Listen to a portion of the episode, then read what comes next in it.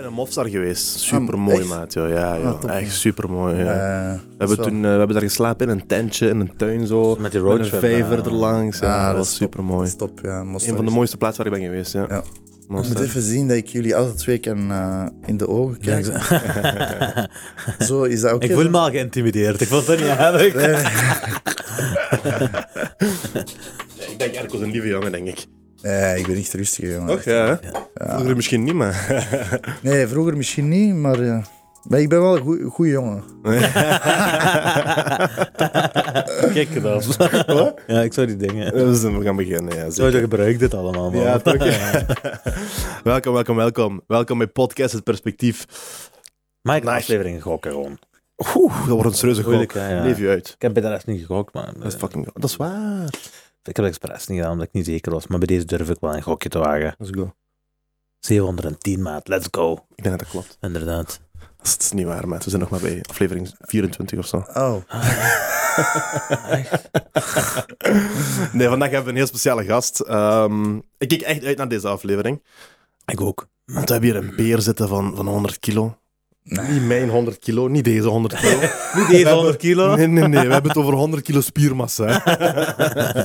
Erko June. Erko June is een eh, light heavyweight MMA-vechter.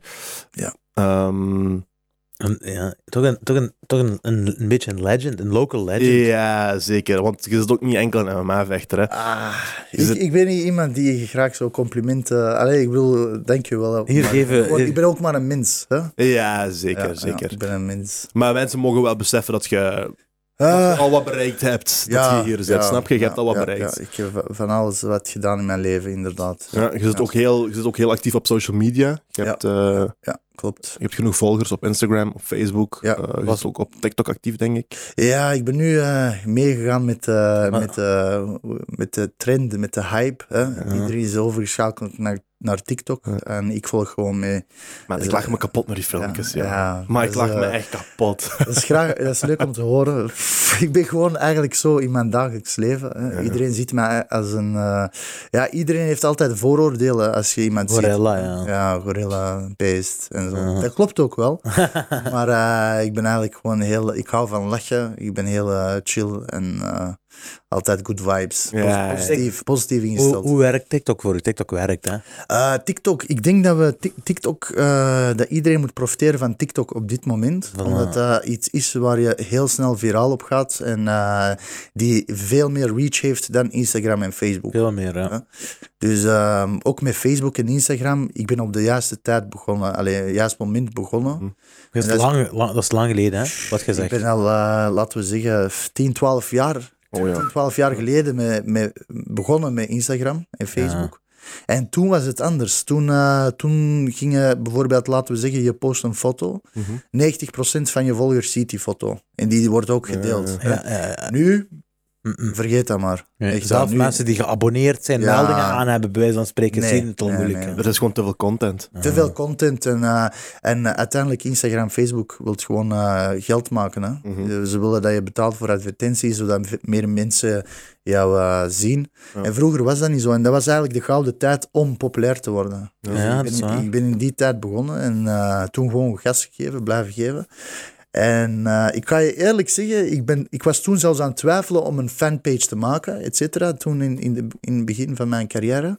Maar eh, ik werd gepusht door ehm, een, eh, ja, en eigenlijk was ze een producer, die, die werkte voor VTM en zo. Ah, echt? Ja, en zij zei me, jij moet een fanpage maken, doe het nu. En eigenlijk Oh ja, dat is wel goed. ben ik haar dankbaar dat ze dat heeft gedaan, heeft gezegd, want ik ben toen begonnen en ja, dat ging heel snel. Heel snel. echt Ik vind het gek dat, want ik zou denken dat producers van de VTM en zo, dat die achter zouden lopen. Ja, Nee, inderdaad. maar want zij was is, wel... eh, TV is achter, maar toen, een paar jaar geleden, misschien waren die Nee, maar scherper. zij was wel apart. Zij was wel apart. Isabel, ik ga het nooit vergeten. eh, Ja. En zo naar Isabel. Dikke, Ja, ja, ja. ja. Want jij hebt, jij hebt met haar tips dan, nu, je hebt dat zelf gedaan allemaal. Ja, Je hebt op, Facebook, op Instagram heb je, we gaan er nummers op plakken, hè. ja, ja. Je hebt op, eh, op Instagram heb je 1,1 miljoen. 1,1 miljoen, klopt. En eh, op Facebook 4 miljoen. Ja. En op Facebook had ik er zelfs meer, maar met de tijd is het eh, ja, gewoon begonnen zakje. Want kijk, eh, je moet, je moet Actief. actief blijven. Je moet meegaan met de tijd. Ja. Hè?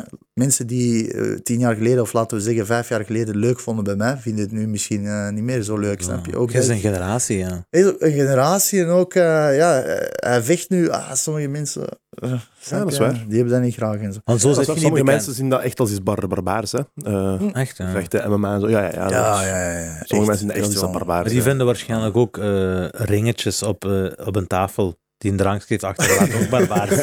en dat vind ik niet kunnen. maar ook bijvoorbeeld, die had een foto gezet van, eh, met die aap daar zo. Hè. Eh, ja, was dat in Dubai. Oh ja. Je ziet de helft van de reacties, hè. oh my god. Ja, ja, ja. It's, a, it's, a, it's a monkey on a chain. animal abuse, How dare eh, you? Ja. Wat is je bezig, ja? En Alsof kijk, hij daar een jungle heeft geopend voor iets. Was dat voor iets? Hij heeft gewoon een foto getrokken. Ja, broer, je moet eigenlijk, kijk, met social media, eh, hoe populairder je wordt, hoe bekender, hoe meer impact je hebt op de mensen. Ja. hè? Laten we eerlijk zijn, je, bent, eh, je inspireert mensen, maar je, bent ook, je, je hebt veel impact op de commu- community. Het hangt ook af van je fanpage, waar zijn ze gebaseerd en zo. Maar inderdaad, eh 10, 12 jaar bezig, maar je moet ook eh, verstandig posten. Hè. Soms zet je iets op en dan heb je sommige mensen geraakt, of ik weet niet wat, of komt het misschien anders over. Dus het is, ja, je moet er ook, eh, en ook natuurlijk de copyrights hè, van Instagram, van Facebook. Ik weet niet of jullie hebben gezien, maar bij mij komt het soms tevoorschijn op Instagram, maar soms zie je die vrouwen, kan je gewoon alles zien hè, Ja. op, de, op, de, op de foto. Hè. Van wat er in die slip zit, wat er onder die BH zit, dat wordt gewoon eh, ja, in zo'n netje. eh, te- ze laten dat zien Mhm. en dan mag je erop blijven staan. Maar als je iets eh, bloed of zo, of eh, iets erop zet, dan wordt dat direct eraf gehaald. Het vreemde, dat is het vreemde met Insta. Zoals jij zegt, vroeger Ja. kon je, als je iets post op eh, Instagram, het algoritme deed zijn werk. Ja, nu, wordt er te veel, nu wordt er gemoeid. Er wordt heel veel gemoeid en er wordt gezegd van dit mag, dit mag niet. Klopt. Hè, zet je dit, dan gaat dat niet zo goed doen in het algoritme. Klopt. Doet je dat, dat is met zo, ja, dat, is, dat, is heel veel veranderd van toen je er begonnen. Ja. Want toen En- was dat niet zo. Dat klopt. En daarom ook dat ik zeg van TikTok. eh, TikTok is wel nog zo. TikTok is nog wel zo. Ja. En die doen bepaalde dingen waardoor, eh allee, ik bedoel, je, je- je veel sneller viraal gaat. Ja. Hè? Echt waar. Kijk, er zijn jongens, en het is misschien grappig, maar het is echt zo, jongens en meisjes die miljoenen volgers hebben. 16 jaar, 17 jaar, 18 jaar, die, die maken geld. Hè. Ja, ja, Die ja. zitten binnen, die moeten Op niks meer TikTok doen. ook? Op dat- TikTok ook. Is die, hoe, ja, jij gaat dat beter uit als die- dan monetizen van een TikTok-account of van TikTok-video's. Gaat dat? Ik denk meer, kijk, monetizen inderdaad. Hè? En dan krijgen ze ehm, eh, gifts met, met, live, met live te gaan, et cetera. Ja. Dan krijg je gifts en krijg je eigenlijk geld. Donaties en zo. Maar ik denk, buiten dat is het meer de sponsors. Hè? Bedrijven die je inschakelen, bijvoorbeeld... Hey, jij hebt miljoenen volgers op TikTok. Kunt jij voor ons misschien deze t-shirt eens aandoen met een video? We zullen jou geld betalen. Of laten we een contract maken. Jij doet één keer per maand één video met onze t-shirt. Wij betalen jou 20.000 euro. Ja. En eh, Dat zo- kunnen echt zo'n bedragen zijn. ja, dat kunnen zo Met grote, met grote views en grote cijfers. ja. kunnen dat. Je weet, bij Kim, Karda- Kim Kardashian, eh, ik weet nog dat ik, die, dat ik dat artikel had gelezen, was dat voor één post dat ze een miljoen dollar eh dat gevraagd. Ik denk Ja. zelfs nog Ja, meer. Of meer, ja. of meer was dat, ja. Als- Ik, ik had ook zoiets gelezen over Cristiano Ronaldo, dat hij 800k of zoiets vraagt. eh, voor een Weet post. je, en grootste Instagram-account ook. dat is toch gek? Fantasie. Absurd, ja, ja, Gek, ja. man. Maar, Maar- maar, Maar. Jij, maar jij, jij, jij weet hoe dat werkt eigenlijk, hè? Want jij Ja. doet dat nu al zo lang. Ja. En je weet een beetje hoe de ins en outs, hè? ja, Want die bedrijven, bijvoorbeeld, daar heb je... je je hebt daar contact mee gehad, hè? Je ja, hebt al een serieuze bag gepakt, denk ik, van zo'n dingen, niet? Ja, laten we zeggen, ik, heb, eh, ik ben ook niet dom. Hè. Ik weet ook wel eh, wat ik heb gedaan. Dat is uw recht ook, hè? Want je zit tv, hè? Je zit een Ja. tv-kanaal. Je zit VT4 van vroeger, hè? je hebt misschien meer views. Snap je? Dus dat is is waar. ook, hè? dat is waar. Ehm, en ik vind ook, als je het niet doet, dan ben je dom. Zeker weten. Als je niet profiteert van die situatie. Kijk, een wijze man heeft gezegd in deze tijd.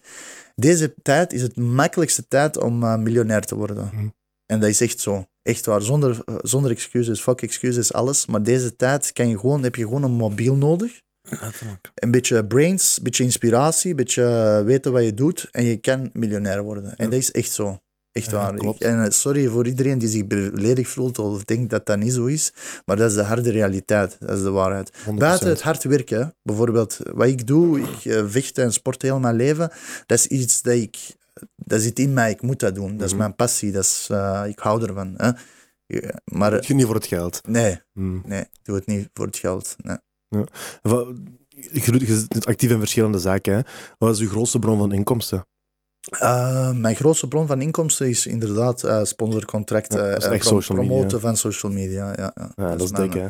Dat is mijn grootste inkomst. En, Dus iets, iets wat je twaalf jaar geleden mee bent begonnen, ja, op heel klein niveau waarschijnlijk, toen bent begonnen, klopt. Ja, is nu uw hoofdinkomst. Ja. Dat is mooi, hè? Klopt. En ik ben begonnen en ik heb dat verhaal al een paar keer, laten we zeggen, ehm, met artikels en et cetera, interviews uitgelegd. Maar ik denk dat dit ook een mooie mogelijkheid is om dat te doen. hè, kunnen we zo breed gaan als het geweld. Ja, ja, ja. Deze super eh, podcast. Hè? Echt eh, chapeau jongens dat jullie dat doen. Want Dankjewel, ik vind dat dat het ook heel belangrijk is in België dat we iets hebben van een podcast waar we eh, iedereen kunnen ehm, volgen een beetje en eh, bijleren. Hè? Bijleren en ook natuurlijk eh, een beetje zien wie, wie wat, 100%. hoe. ja. Dat is exact wat proberen te doen. We proberen verschillende stromingen te laten zien over Ja. hoe je je eigenlijk succesvol doen. kunt Ja, worden. Of hoe je iets kunt maken. Voilà, voilà. Er is niet maar één weg die je moet bewandelen. Er zijn verschillende wegen die je kunt bewandelen. 100%, 100%. En daarom eh, vind ik dat top en ook een goede moment om dat te delen. Dus als ik begon, eh, toen ik 16, 16 jaar was, moest ik begon, beginnen met krachttraining. Hoe oud zit je nu? Ik ben nu, eh, ik word 32 de- deze maand. Ja. Zo, mashallah. Dat Die voelt ik- jij, ja. Dat zeg ik, mijn broer, ik voel mijn beste shape in mijn leven. Echt Ah, ja. qua fysiek. Je ziet het ook, ja. je Qua, ziet er qua- echt goed qua uit. Ja. fysiek, voor, voor te vechten, voel ik echt uh, dat alles heeft zijn reden gehad. snap je? 100 procent. Soms denk ik, waarom maybe ben ik niet eerder professioneel begonnen met vechten? Maar alles heeft zijn tijd gehad en moest zo gebeuren. Ehm, Back ik- to 16. ja, back to 16. Dus toen ik 16 was, ehm, was ik al met, met kickbox bezig, met Mhm. thai-box eigenlijk. En dat was bij Murat Tirikci, dat is ook eh, jullie landgenoot. Hè? Ja, zeker, ja, zeker. Eh, dat was bij hem. En, ehm, dat is in eh, Mechelen zeker, of in Antwerpen. nee, dat was in Antwerpen. In Antwerpen, ja. ja op de brede baan was dat. Ja. Ook een legend hoor. Een Belgische legend. Ja, Murat ja, klopt, klopt. Ja. En eh, ja, ik was toen eigenlijk een beetje het uitgaan, ehm, nachtleven, een beetje feesten. Ik hield daarvan. Ik ging vaak weg van huis en zo, omdat ik, eh, ja, thuis was het altijd een beetje, laten we zeggen, aan de ja, ehm, harde kant. Hè. Het was niet zo leuk thuis altijd, veel uh, abres en zo. En, eh, Thuis leren klokken. welk, Je hebt thuis leren knokken, niet in de gym. Zo erg nog niet. Nee, ik ben vooral buiten eigenlijk, eh, ja, mijn frustraties en zo buiten, en dan bij het sporten. Maar eh, ja, los van dat, dus het nachtleven, het slechte, laten we zeggen, de slechte periode, ben ik, heb ik mijn eh, been, eh, een letsel, allee, ik, heb- ik heb een eh, blessure opgelopen. Mhm. Eigenlijk een serieuze blessure als ik er nu naar terugkijk, want in die tijd was dat voor mij zo van, pff, het is niks, jongen. ik zet die dingen, eh prothese, ik moest een prothese zetten op mijn voet, want mijn voet was verlamd. Oh ja. Ja. Echt waar. Van- 16 jaar. van mijn 16 jaar. Van, van mijn knie tot mijn voet. Dus eh, geen gevoel meer. Dus die hangde gewoon zo. Hè? Ja, ja. Echt waar. en hoe komt dat? Ah, wel, ik kan jullie Ah, ja. vertellen. Dus eigenlijk was dat een eh, blessure die ik had opgelopen bij het eh, kickboksen. Trappen op, eh, trappen op de eh, Elleboog. zijkant, nee, zijkant van, de, van de knie. Dus bijvoorbeeld niet blokken of ik weet niet wat. Maar eh, het is erger geworden door terug nog eens te vallen met de fiets. En dan eh, eigenlijk ook de posi- positie van thuis, hoe dat ik zat op de stoel, is die Echt, ja. zenuw afgeknald. Echt. En eh die zenuw was afgeknald, waardoor ik geen gevoel meer had in mijn voet. En eh, op een gegeven moment was dat zo erg dat ik, ja, dat ik gewoon niet normaal stapte. Dat echt slepen mijn voet. En ik moest dan naar een kinesist. En ik kreeg een prothese. Hè. En in die periode denk je, pff, je bent 16 jaar, je denkt er niet naar. pff? Maar eigenlijk was je, kon je gehandicapt blijven voor de rest van je leven. Echt waar. Ik kon niet fietsen normaal, ik kon niet stappen. Ik moest Ja, echt... ja. Die prothese was eigenlijk een plastieke ding die je voet de hele tijd op Gewoon deze recht hield, ja. gewoon recht hield. Ehm, ja, dus wat is er dan gebeurd? Eh, ben ik naar een kinesist gegaan. En ook ESO naar die eh kinesist. nee, echt waar. Ik weet niet eh, of die mens... eh, ik heb altijd nadien nog teruggegaan en mijn respect getoond en zo. Maar hij, heeft mij, hij heeft mij wel geholpen. Zes maanden revalidatie met elektrische shocken en zo. En uiteindelijk is mijn voeten dan terug beginnen reageren. Mijn tenen, mijn voeten. En heb ik terug gevoel gehad in mijn voet. Waardoor, alhamdulillah, mijn voet terug in orde was. Eh, Ik kon ter- weer terug eh, bewegen. En, ehm, maar hij adviseerde me om met fitness te beginnen. Mm. Dus hij zei me, ga met fitness beginnen, want je moet een beetje die benen sterker maken, die spieren, ehm, extra beenoefeningen, eh, et cetera, voor je lichaam, zodat je alles verstevigt. Hè. Je hebt zijn advies goed gevolgd, hè? Ja, denk je al nog altijd aan volgen. Ja, ja, ja. Maar Dus- zo'n benen heeft hij ook, ja. maar dat was ook, ik denk dat, dat, dat daarom ook het, eh, Ja. dat was ook de reden waardoor altijd mijn benen iets, eh, een van mijn sterkste eh, spiergroepen waren, omdat hij me dat zei. En hij zei me ook van, ik ben niet zeker of je ooit nog 100% eh, kan gebruiken, jouw benen in de sport. Dan ga je daarop focussen, hè? Als je dat te horen krijgt. Nee, eh, dat ga je op dat focussen en dat was eigenlijk zo gebeurd. Dus ben ik terug beg- ben ik begonnen met fitness. En uiteindelijk verliefd geworden op het ijzer, op het eh, fitnessgebeuren, bodybuilding. En ik spreek dan over eh, ja, tien jaar geleden, dat was 17, 18 jaar. En dat was de hype van bodybuilding, fitness. Ik weet Ja. niet of jullie zich nog herinneren, zijn jullie ook van die eh, generatie van, eh, ik ben van, van 90. wij zijn van 96. Ik ben van Ze zijn- 95. Ah, ja. 95. Ja, dat is dus eigenlijk... jullie zijn herinner me die tijd nog. Net iets jonger ja. dan mijn broer, maar dat was een periode toen eh, echt fitness heel de wereld. Zo. Iedereen wou Arnold zijn, iedereen wou Ronnie Coleman was zijn. toen City Fletcher op YouTube. Klopt, eh, klopt. Ja, ja, ja. City Fletcher, dat was Ronnie Coleman, zo die periode. eh, iedereen was eh, idool, dan City Fletcher was daar, dan die Callum of zo. Of, in elk Er waren een geval, paar fitness-YouTubers Ja, ja, en zo. ja. Dat was toen zo, die fitness-YouTubers waren ook populair. klopt. Ja, ja, En Ja. ik ben dan op het juiste moment eh, eigenlijk in zo'n gym beland bij Bill Richardson. Ehm, Bill Richardson is een oude bodybuilding legende. Hij is ook een van mijn mentors. En ook iemand die ik eh, heel mijn leven dankbaar ga zijn. Want Waar was die gym dan? dat was in Antwerpen, Ah, oké. Borgerhout. Ja, ja. En veel mensen die naar deze podcast luisteren, die weten over wie ik spreek. Hij is echt een legende. Hij is die ene, ehm, ik weet niet of jullie ooit hebben gekeken naar het programma Tom Waas. Hij, was zo, hij wou bodybuilder worden.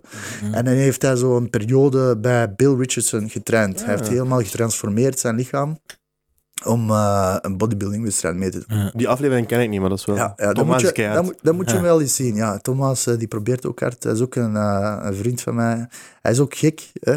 Maar Hij is, merkt maar hij heeft, hij heeft het wel gedaan. Hij heeft dan bij Bill getraind. En Bill is gekend om de hardste trainer in die periode. Echt waar. Dat was echt een savage. strijden. Ja, dat was echt een hardcore bodybuilding gym. Alleen ijzer binnen. Hè.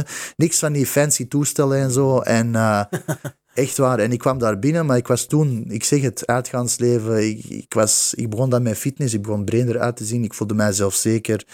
En eh, ik hield wel van eh, een goed feestje, uitgaan. En dan als Dat is problemen niet waren... altijd een goede combinatie, hè? Nee, Eh, geen goede combinatie. Nee, want in die periode was ik ook zo iemand. ehm, ja, moest, er, moest er een probleem zijn, ik was de eerste die, die er was om dat op te lossen. Echt waar. Ja. Ik ging echt. eh, en ik voelde, mij, ik voelde mij altijd zo goed aan het vechten. Nooit zonder reden, maar zo. Was er iets, dan. Ik was degene. Kende dat? Erko was altijd die- degene met zijn ballen. Dat was, dat was zo. ja, ja. Je ging head first. Head first, ja. De juiste persoon wel om in de vechtsport te stappen. dan. Ja, ja, ja, ja het- uiteindelijk blijkt dat de beste oplossing van mijn leven te zijn. Maar in die periode, dus laten we zeggen, dat was zo. hè, Uitgaan. En toen zit je ook begonnen met social media, toch? Nee, dus de moment dat ik bij Bill Richardson ben begonnen, Huh? eh, daar is eigenlijk mijn carrière een beetje begonnen. Ja. Ook met social media, met fitness, bodybuilding. Dus, eh, dus toen ik binnenstapte bij hem, ik was dan nog steeds eh, die gast, eh, eh, altijd stoer, altijd graaf en zo. En, en hij, kwam, hij zei dan tegen mij, oké, we zullen zien, stoere jongen, wat je hier gaat, wat je hier gaat doen. Hè? En de eerste training, ik ga het nooit vergeten, hij heeft mij gewoon kapot gemaakt, echt waar. Hij heeft mij echt zo kapot gemaakt dat ik gewoon niet naar buiten kon stappen. Echt, mijn benen. Echt eh, overdreven. En zo was dat dan elke dag. Heeft u humble gemaakt Hij daar. heeft mij humble gemaakt. Ja. Hij heeft mij humble gemaakt. Ik was, kijk, ik ben nooit iemand geweest die zonder reden iemand eh, zou provoceren of zo. Eh, Ik heb altijd wel eh, een goede opvoeding gehad dankzij mijn moeder en eh, ja, mijn vader. en Mijn moeder vooral heeft mij een goede opvoeding gegeven, waardoor ik altijd eh, humble ben geweest, altijd. Maar eh, ik was wel zo iemand die graag problemen maakte als er iets ja. was. Ja. En dan bij Bill, echt waar. eh, hij was iemand, hij stond daar met zo'n mes. Eh, je moet de oefening juist doen. Hè. Als je de oefening niet, niet juist doet, die mes staat daar. Hè. Dus als je bijvoorbeeld zo je rug, rug moet eh, een oefening doen en je zit in verkeerde positie, hij prikt. Ja. Echt waar. En dat was ook een onmenselijke persoon, want die had zoveel kracht. Bill Richardson, die had- ik, ik weet nog als er aan Bras was. In die tijd, ik spreek over ja, eh, tien jaar geleden, dus eh, toen ik eh, 18 was, zo, gewoon een gewicht van 50 kilo. Hè. Hij gooit die door Nee, de gym. Hè. Door de gym. Nee, joh. Hij gooit die gewoon. Hè. Ja, ja. Of als er, als er een bras was, hij gooit hem. Een halter van 50 kilo, je Ja, kunt niet pakken met ja, ik weet dat. Ja, ja. Zweer u dat. 50 kilo krijg ik niet omhoog. Nee, nee, nee, nee. Maar hij gooit die, hè. Oh, Dat is echt gek. Ja, ja, echt waar. Hij, echt, eh, hij, hij heeft zoveel, eh, laten we zeggen, zoveel van die verhalen die nog steeds rondgaan in, eh, in het, eh, ja, bij de mensen. Als er Ambras was bijvoorbeeld, hij is Ambras voor de gym en waren er drie gasten in een auto. En eh, die, die iets tegen hem gezegd, maar in die tijd, Bill was echt niet normaal. Echt, laten we zeggen, ik drie keer. Hè? ja, was echt... eh, dus die, die zegt tegen die gasten, wat is er? Dit, dat, die gaat bij hun eh, aan, de, aan de, auto staan. En die gasten beginnen te roepen, hij pakt gewoon die auto op. Hè. Nee, joh. Ja, en hij tilt die omhoog. Met die mensen erin ook ja, nog. met die mensen erin. Man. En dan laat hij vallen. Dat is- Oei, oei, oei, ja. Ja, ja, echt waar. Hij was echt, eh, echt zo, zo, zo'n... eh, kijk, Specimen. hij was iemand ook, Bill Richardson Gym. Kijk, wie dat daar trainde, als je daar binnenstapte, dat zie je nergens. Echt Ja. waar. Van gangsters tot de grootste gasten dat je ooit kan zien. En iedereen respecteerde Bill. Ja, Dat is echt veel, hè. Iedereen respecteerde Bill. Dus eh, maakt niet uit wat het er was. Of er was een bras tussen gasten. En daar waren niet zomaar gasten. de- Echt gasten met, laten we zeggen, heel hoge namen. Hè? Ja. Ja, ja. Grote straatfuncties. Ja, laten we zeggen, grote straatfuncties. Ja. Eh, maar als er iets was aan Bras en Bill zegt, hey, mannen, stop, dan is dat ook zo. Dan stopt iedereen. Ja. Dan stopte iedereen echt daar. En dat was zo'n, eh, ja, dat was die periode. En hij heeft mij dan inderdaad eh, leren al mijn frustraties, al mijn slechte dingen in de gym uit, eh, eh, ja, hoe zeg je dat, Uh, uit te te leven krijgen gewoon, hè. Ja. uit te krijgen. En eh, dan zijn we beginnen focussen op wedstrijden. Hij heeft gezegd, waarom doe je geen wedstrijden? En zo heeft hij mij ook begeleid naar mijn eerste wedstrijd, tweede, derde. Dan ben ik eh, drie keer op jaar Belgisch kampioen geworden. Ja. En dan ben Bodybuilding, ik, hè? Bodybuilding, ja. Ja, Junior bodybuilding was dat. En dan ben ik in de Balkan-wedstrijd gaan doen, daar tweede plaats. En zo naar Amerika Oh ja. gegaan. Maar kijk, dat is eigenlijk het punt, het moraal van alles wat ik wou vertellen. Dus die wedstrijd ben ik dan beginnen doen. Hè. En eh, ik heb dan ook gespaard om naar Miami te, te gaan voor een wedstrijd te doen, een internationale wedstrijd. Maar al die wedstrijden heb ik alles zelf uit mijn eigen zak eh, geïnvesteerd en betaald. Je krijgt geen rotte cent. Al die vliegtuigkosten en zo, dit, dat. Kijk, van bodybuilding, niks hè. Serieus? Niks. Je geeft meer geld uit dan dat je eigenlijk eh, Verdiend. verdient. Ja. Ja, ten eerste ja, we eten en zo, dat is heel consequent Ja, ja. eten, dat is heel, eh, heel veel trainen en, eh, en dan die wedstrijden, de voorbereiding, je moet, je moet echt zoveel doen en dan ga je daar, krijg je een bekertje als je bent gewonnen. That's it. That's it. Oké, je doet het voor je eigen, maar het is niet een sport dat je bijvoorbeeld iets, een, een eh, laten we zeggen, eh, een carrière... Je kunt er niet je job van Nee, maken. nee, nee. Ja. Dat is een probleem wel, eigenlijk, Ja. want je, je neemt wel meer tijd dan eh, een job inneemt. Ja, ja. Dan een normale Ja, job. ja, ja. Ook als je bijvoorbeeld kijkt naar Kenzie Durant, hè? of Kenzie Durant, ik weet niet hoe zijn naam uitspreekt, maar die gaan we... Durant, denk ik. Ah, oké, ja, maar die gaan we ook nog uitnodigen. Ah ja, ja. Hij, heeft, hij, eh, hij heeft ook bij mij in de, bij Bill eh, getraind een Ah, oké, keertje. Ja, ja, ja, ja. ja, ja, die Als je- ken ik ook. Ja, maar als je bijvoorbeeld kijkt naar hem, hij moet ook voedingsplannen en zo maken Ja, voor mensen. ja, Snap je? Die kan niet gewoon... En ik denk dat hij nog steeds actief bezig is hè, met bodybuilding. Ja, ja, ja, ja, zal u daar wel heel veel over kunnen vertellen, want daar kun je dagen over praten. Dat is echt een, eh, een ondankbare sport. Echt een ondankbare sport eigenlijk, omdat je constant moet trainen, constant op je eten letten. Stop je een week of twee, als naar de kloten. Hè. Moet je terug... eh, Ja, dat is echt ziek. Trouwens is dat erg als ik hier eh, een Nee. beetje woordjes... eh, Zeggen we Zeggen wat je wilt, ik Ja, zweer. Ja, eh, joh. volledig zeggen censoren? Of, Maar, Nee, ja. nee, niks. Ik Helemaal niks. Uw extravagante zelf moet je zeggen. dat is goed, dat is goed. Dat is belangrijk. Ja, ja, sowieso. Maar dus je zit rond die leeftijd, dan rond je tienerjaar tot de twintig, zit je begonnen dan ook met, met de social media Ja, ook. ja, klopt. Ja, En hoe, snel is dat, hoe snel is dat Ja. de lucht gegaan? En hoe niet? is dat dan gegaan? Kijk, ehm, ik ga je vertellen hoe dat is gebeurd. Dus ik ben dan eh, naar Amerika geweest, in Miami. Hm? En eh, heb ik daar eh, die wedstrijd vijf. gedaan. Ja, inderdaad. En dan ben ik ook daar ineens een fotoshoot gaan doen bij bekende fotografen. Eigenlijk voor mijn eigen portfolio ook niks verdiend of zo. Ja. Voor, voor. Maar wat, werd, wat, wat was er gebeurd toen? Ah, die gast, eh, die Erko, wie is dat? Dit- Ik wil ook met hem eens eh, shooten. Ik wil hem eens gebruiken misschien voor, eh, ik weet niet wat. Hè? Fotografen zeiden dat dan. Ja, fotografen. En dan deed ik meer, meer shoots. En uiteindelijk ehm, is dat zo een beetje begonnen. Dan ben ik terug naar België gekomen en heb ik soms de soms stomste opdrachten wat je kan voorstellen gedaan. Maar Ik was dan ingeschreven in een castingbureau en ik heb dan bijvoorbeeld reclameopdrachten gedaan. Ehm, echt. Eh, echt- Wacht, je gaat me niet zeggen dat je reclame hebt gemaakt voor ballet of zo, hè? Nee, zo'n Nee. tutuke dit, dat. Of, Ik ben even goed aan het denken. hè. Ik heb zoveel dingen gedaan, jongens, in Echt mijn waar? leven. Echt waar, dat je niet kan voorstellen. Maar laten we zeggen, iets dat, dat wel on- op YouTube staat en iets dat jullie waarschijnlijk hebben gezien, is ik had Belgium's Got Talent gedaan.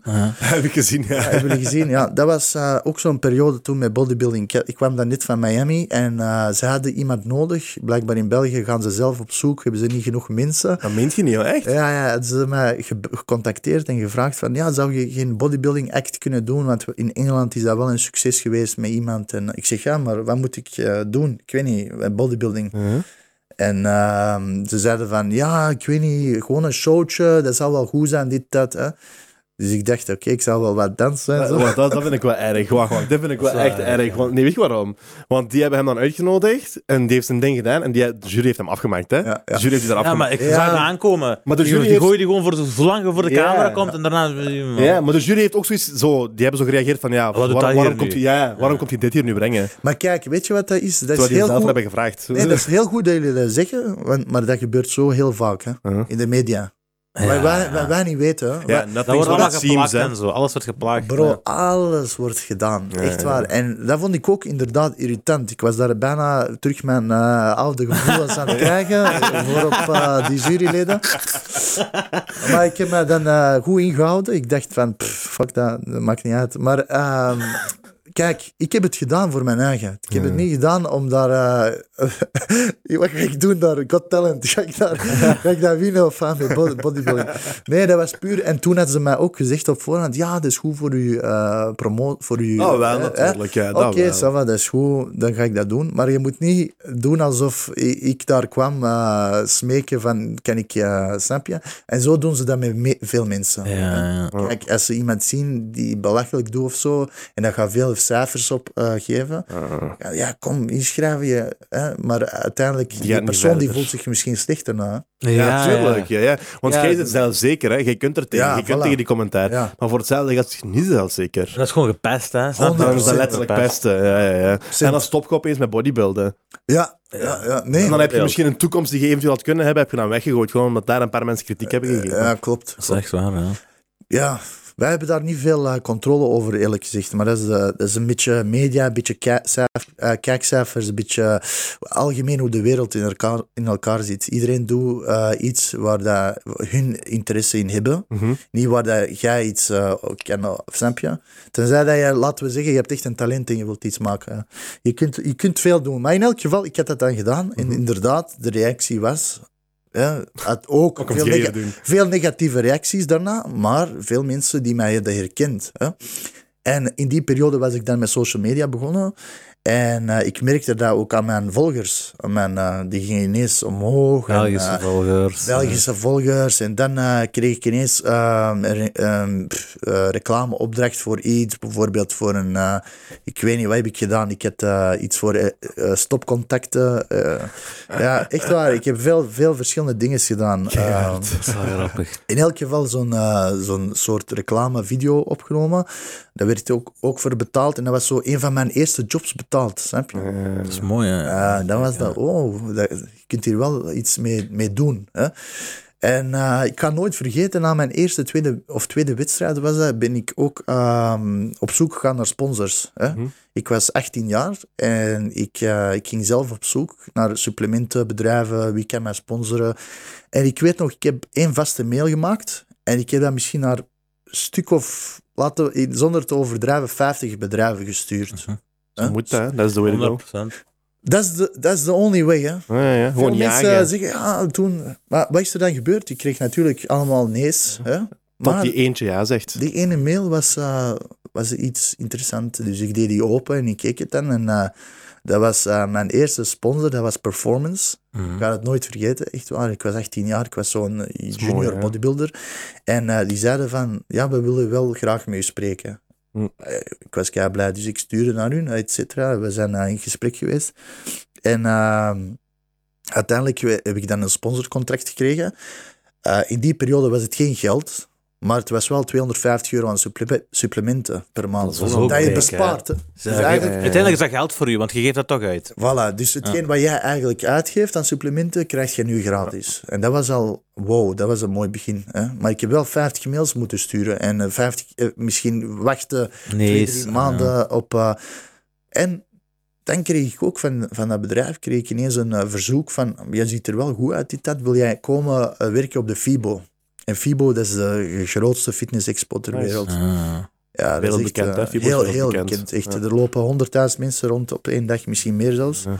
En ik was eh 18 jaar en ik was eh, een van de eerste junior bodybuilders die zo mee op groot podium mocht. Ah, ja. Tussen de andere atleten en zo. Dat was echt een, een- precies een droom die uitkwam. Hè. Als jonge gast, zeker als je met bodybuilding bezig bent, ben je, heb je zoiets van: wow, ik wil wel eens op podium staan met die grote Tuurlijk. mensen, dit, dat. En dan stond je daar. Hè. Op je 18 jaar. Ja, hè. snap je? Dan stond je daar tussen die gasten. Maar dat is mooi, hè? Dat komt voort uit een van die 50 mails die je hebt gestuurd. Hè? Ja, snap je, ja. ja, ja, En dat is wat veel mensen niet doen. Hè? Veel mensen schamen zich of zijn te lui om die 50 mails uit te sturen. hè. Die weten gewoon niet, ik snap het ook niet echt, snap je? Ja. Ja, of die geloven niet genoeg in hunzelf of zo, ik weet dat niet. Ik heb altijd geleerd, eh, nooit al je eieren in één mandje zetten. Dus ik ga niet één mail sturen naar één persoon. Ik ga 50 mails sturen naar 50 personen. Nee, En hopen dat er één van valt. 100%. 100 procent. Er gaat één vallen. Ja. Als je iets doet waar je, waar je achter staat. Wat is je grootste bag geweest, Erko? De grootste van de sponsor. De grootste. Bag bedoel je, dat moet, Ja. ik, dat moet ik eerlijk zeggen, van, eh, van mijn KSW-partij. Ja, echt? Ja. Tegen Puchanovski was dat. Ja. Was het dan zo onder 10k? Of? Nee, nee. ja, nee, ja. Ik zou zeggen 20, 30. Ja, dat was iets KSW, 30, toch? 35. Ja, Ah ja, oké, dus je was wel mooi. dat is een dik, ja, voor één partij, ja. ja. voor één Dat, is partij. gewoon, dat is gewoon meer dan een, man- een anderhalf jaar verdienen Ja, hier. ja, inderdaad. Is, is dat met of zonder winstbonus? Ehm, nee, zonder winst. Zonder- Zonder, winstbonus, ja, ja. Want ik had verloren die partij. Eh, daar ga ik jullie straks wel over, eh, eh, over hebben, over Ja. dat partij. We kunnen er direct nu over hebben, hoor. Ja, over Ja, die ja, partij. we moeten er direct gewoon ingaan. Ja, Ja, het was wel een... eh, Wie was dat tegen wie? tegen Pujanovski. Dat is die strongest, Ja, world ja, strongest ja, man, dat was toch? vijf keer strongest man. Ja, ja, ja, daar hebben we het er echt? over gehad met Arthur. Ja, ja, ja, ja. Ik bedoel, twee weken geleden.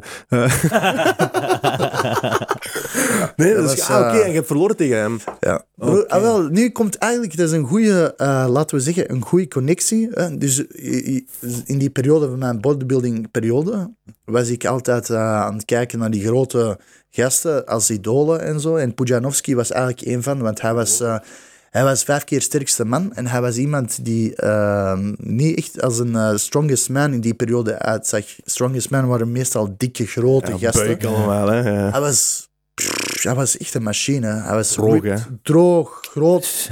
En hij was vijf keer of zes keer zel- zelfs eh, strongest man. Jullie hebben een, een soortgelijke eh, switch gemaakt eigenlijk, hè? Ja. Want dat is zowel voor u als bodybuilder zijn, is het echt niet makkelijk om die switch te Nee, maken naar MMA. En voor hem ook niet, want dat is een beetje hetzelfde als bodybuilder. In de Ja, zin van, ja, je zit kracht aan het opbouwen, maar dat is het dan ook. Je zit geen explosiviteit aan het opbouwen, geen snelheid, geen souplesse, dat is allemaal niet aan het opbouwen. Nee, 100 procent. Dus voor hem is dat waarschijnlijk even moeilijk geweest om die switch naar MMA te maken. Hè? Tuurlijk. Dat, vind ik al, dat vind ik enorm indrukwekkend. En dat was jullie eerste wedstrijd naar MMA? Nee, de- hij, had dan, hij had dan al twintig partijen gestaan. Oké, Ja, ja. dat was zijn twintigste partij en voor mij was het de vierde partij. Nee joh, uw vierde partij tegen Ja, hem. Dat, doet- dat is wel veel, ja. Dat-. Jongens, maar ik kan jullie zeggen, moest ik die partij begonnen, was ik een wereldster. Ja, 100%. dat was hier vandaag Ja, niet. ja, ja.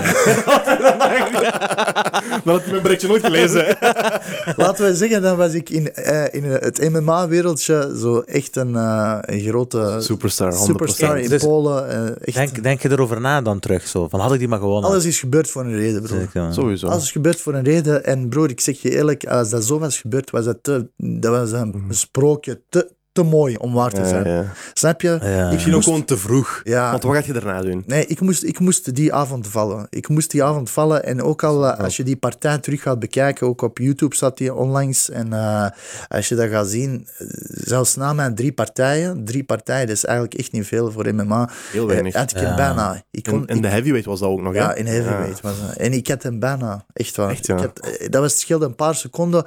Of ik had hem knock-out geslagen. En dat was mijn doel, hem knock-out slagen. Maar niemand heeft dat tot nu toe gedaan. hè. als je de world's strongest man alive knock-out slaat. Ja. Maar zit jij dan nog hier gegaan? Of punten? Nee, gelukkig niet. Op Die vraagt toch vriendelijk, hè? Ja, maar hij is echt goed. hè. Ik ben niet nokkie, nokkie. Zou jij ook niet zo KO Ja. knock Nokkie gegaan? is toch leuk, Nokkie? Oh, broer, jij- Jij doet het wel goed, jouw job. Dankjewel, broer. Ben je al punten verloren dat? Nee, dat was eh, TKO. Dat was gewoon eh, Ah, ja. op de grond, ground and pound. Ja. Ah. Ik kreeg hem gewoon niet weg, bro. Ik kreeg hem niet weg. Maar dat geloof ik, ja. Hoeveel weegt hij? Hij hield mij vast met één hand zo. Ja, hoeveel weegt hij?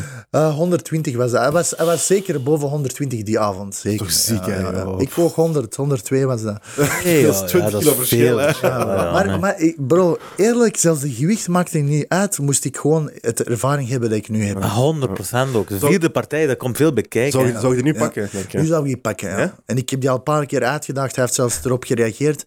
Maar KSW zelf wil het niet. Is ik ervoor. vind het een beetje smerig van KSW, eerlijk gezegd. Is dat om zijn naam groot ja, te houden? ja, ja, ja. Zij, zij hebben zoiets van, we hebben jou een kans gegeven, maar eh, je hebt het niet gedaan. Ze vonden het spijtig. Maar daarna is het zo van, Ja. ja, we houden nu Pujanovski. Oké. Snap je? Zo was dat een beetje gaan. Dat vond ik een beetje smerig. Dus ze hebben ervan gemaakt, je hebt die kans al gehad. Ja, je hebt ja. het verkloot, pech. Ja, ja inderdaad. Oké, inderdaad dat is wel ja. erg, ja. Het is wel jammer na vier partijen ook, zeker. Ja, dat. zeker. en kijk, ik heb die eerste drie partijen. Ik heb natuurlijk het eh, geluk gehad dat veel vechters niet hebben. Ik heb ineens bij een grote organisatie eh, getekend, bij KSW. En eh, ik heb ook het geluk gehad eh, dat ik, allez, geluk, ik heb er hard voor gewerkt, maar ik heb de eerste drie partijen direct op KO gewonnen. Ja. Alle drie. En dat was precies zo van, what the fuck, die Even, gast, die komt van fitness, bodybuilding. Ja. What the fuck komt hij hier doen? En die komt die gasten allemaal hier eh, een pakketje. En, eh, Terugsturen naar huis. en terugsturen naar huis. En dan nog allemaal Polen in hun land. Snap je? Ja, ja, ja. Ja, ja, dat was allemaal bij hun. Eentje in Engeland was dat. Ja. en dan hadden ze mij die partij gegeven. En mijn manager zei van, eh, kijk, ze willen jou Pujanovski geven, main event. Pff, ik zeg van, ja, maar wanneer? Hij zegt, ja, dit jaar. Ik zeg, eh, hij zegt ook eerlijk, het is een beetje snel.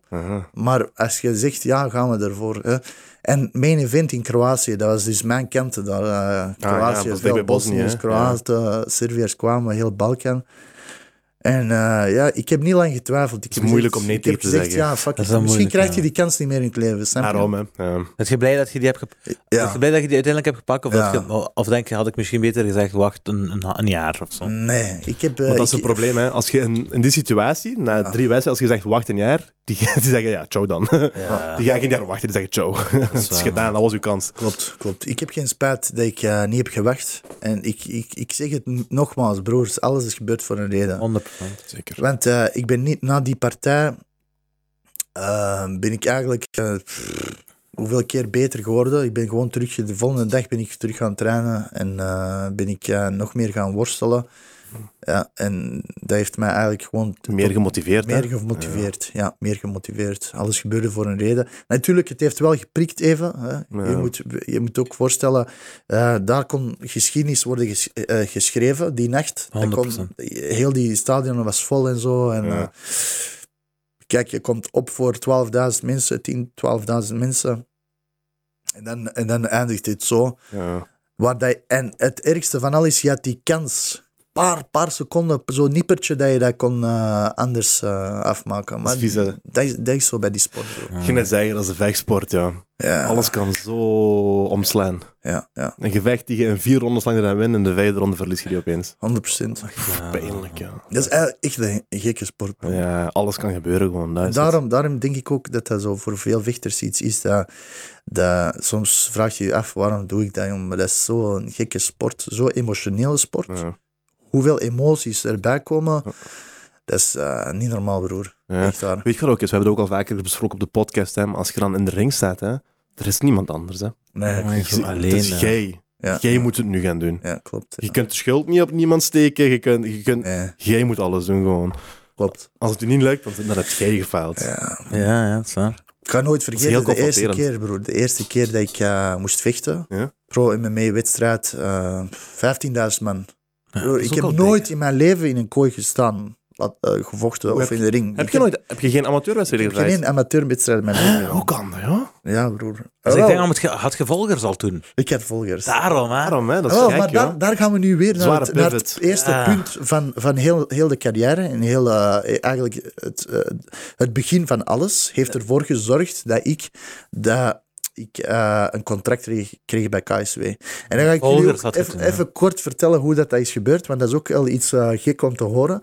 Ik had, een, eh, ik had een winkel in het centrum van Antwerpen, drie jaar lang. Toen, Mhm. met mijn carrière met fitness, bodybuilding, social media, had ik heel veel volgers. En ik was van plan om het eerste, laten we zeggen, fitness, lifestyle kledingwinkel in Antwerpen te openen. Kledingwinkel echt, oké. Er Erco Shop noemen we dat. Ja. En het was een succes. Echt waar, het eerste jaar was prrr, niet normaal, broer.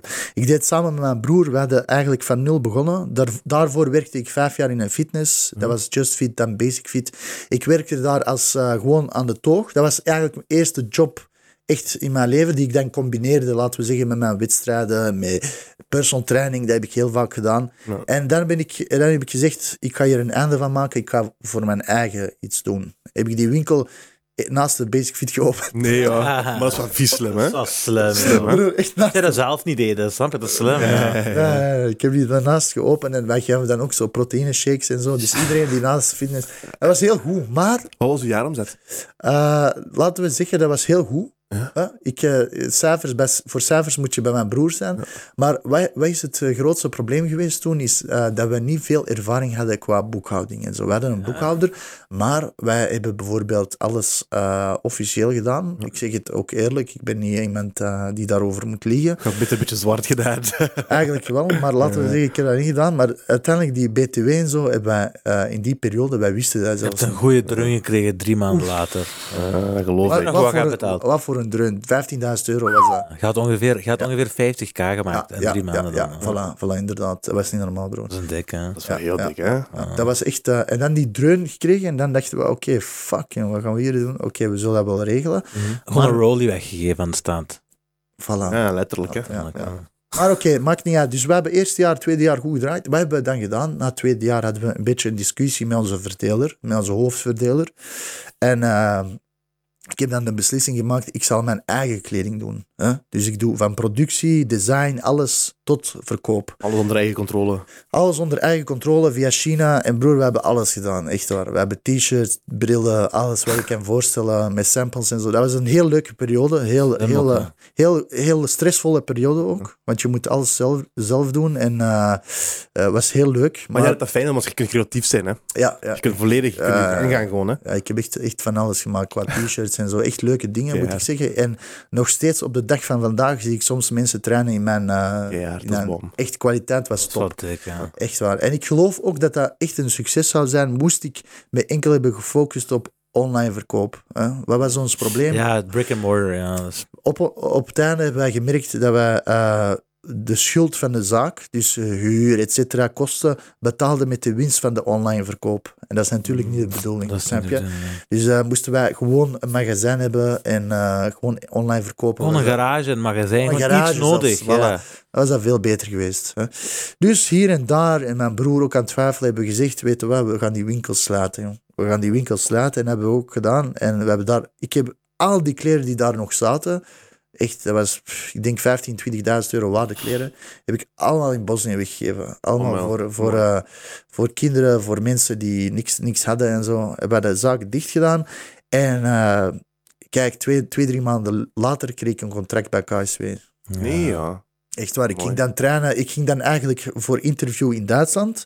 Voor een vriend van mij, Roberto Solic was dat, die nu eigenlijk twee, tweevoudig Ja. kampioen is bij KSW, mid- Ja. middleweight en welterweight. Maar daar waren we net ook over. een- eh, Twee weken geleden. Ja, ah, wel, is die, dat is die machine, Robocop. ja, ja. ja. Uh, en hij, heeft me eigenlijk, hij is eigenlijk de reden die me, hij heeft me een beetje terug ja, laten beginnen met vechtsport en zo. En ben ik in MMA ingerold. En bij zijn eerste wedstrijd, toen ik de show van KSW ging kijken, dan heb ik gezegd van, En echt waar, het grappige is, die wedstrijd die avond, hè, die twee, twee heavyweights die daar aan het vechten waren, Mhm. ik had dan tegen die vriend van mij gezegd, "Pff, die twee gasten, ik pak die. Ja. Ik wil hier ook vechten. En dat is dan echt waar zo gebeurd. Hè. Echt waar, ik heb dan, eh, die heeft dan gesproken met KSW. En KSW vond het natuurlijk interessant. Oh, die gast heeft Veel volgers. cijfers. Ja. veel cijfers. We hebben die, Zij we- willen groeien. zij wil ook groeien. Ze hebben hier ook zo'n monster zo van 120 kilo die wil vechten. Die juist heeft gevochten die nacht. Eh, we kunnen Erko er tegen zetten. Dus Ah, was, dat, was, dat, was dat die strongman toen? Nee, Die nee, je nee, toen- ah, nee. Dat was de, de vierde partij. Dus de eerste partij was tegen zo'n Pool, zo, ehm, dat was een eh, acteur, Mhm. maar die had al gevochten. Dus die heeft die, die avond eh, gewonnen bij MMA. Hij had al ervaring met MMA en zo. Maar oké, maakte niet uit. Dus die stelde mij voor, voorbeeld, ga tegen hem vechten. Ik zei ja, tegen hem. Want ik zei ook, die twee gasten ga ik pakken. En echt waar, broer, dat was zo gebeurd. Dus voorbereiding, eh, dat was maar drie, vier maanden. Ik ging dan naar Duitsland en je kunt je voorstellen, als je van bodybuilding komt... Broer, Ja, als dus je- jij komt van bodybuilding. In drie, vier maanden bereid je Ja. jezelf voor. Ja. En je gaat een heavyweight gevecht aan in de KSW. Ja, ja, En je wint die met KO. ja, en kou, kou van de nacht zelfs. een- maar jij bent een speciaal, jij een is wel speciaal mens. speciaal, Ja, een als je dat kunt doen, dan is je een speciaal mens. Ja. ik, ben wel, is een ik, ben wel, ik ben wel trots op dat. Dat is een van mijn Zeker, ik denk, ja. trotste momenten in mijn leven, broer. Want, want ehm, dat was echt, echt wel... Kijk, ik ga naar Duitsland. Wat gebeurt er? Ik heb ook een dochter. Die is nu... Ali keurt goed. Ze is chic, hij. is, zij is nu eh, zes jaar. Maar eh, je moet je voorstellen, dus ik ben naar Duitsland gegaan. Mhm. En ik zag ook, hier moet ik trainen om dat te, te kunnen Ja. maken. Ja. Dat waren topvechters. Echt, Je kunt eh, niet in België blijven trainen. Is beste, beste in de wereld. En je had alles onder één dak. Je had de grappling, de wrestling, Mm. de striking. En eh, de eerste weken was afzien. De eerste weken was ik echt, eh, ik- ja, ik zeg het eerlijk, kapot geslagen. Echt waar. Sparringen en zo. Het was echt eh, afzien. Maar ik kwam terug de volgende dag. Maar hoe ik voelt dat, joh? Dat vind ik ook gek. Weet je waarom? Want je zit aan, je zit aan bodybuilden en je zit eigenlijk heel goed Ja, in bodybuilden. Ja, ja. Dus je gaat van, ik ben een van de betere hier, gaat je Ja. opeens switchen naar MMA, naar ik ben een van de slechtere hier. Ja, is dat geen Ja. goede deuk in je ego? Het is een deuk in de ego, maar die- dat was ook iets. Kijk, ik zou het nooit hebben gedaan, moest ik er niet van houden, of moest ik niet zien dat ik heel snel beter word. Ja. Echt waar, eh, dat is iets, je moet dat in je hebben. En ik heb dat zoiets in mij.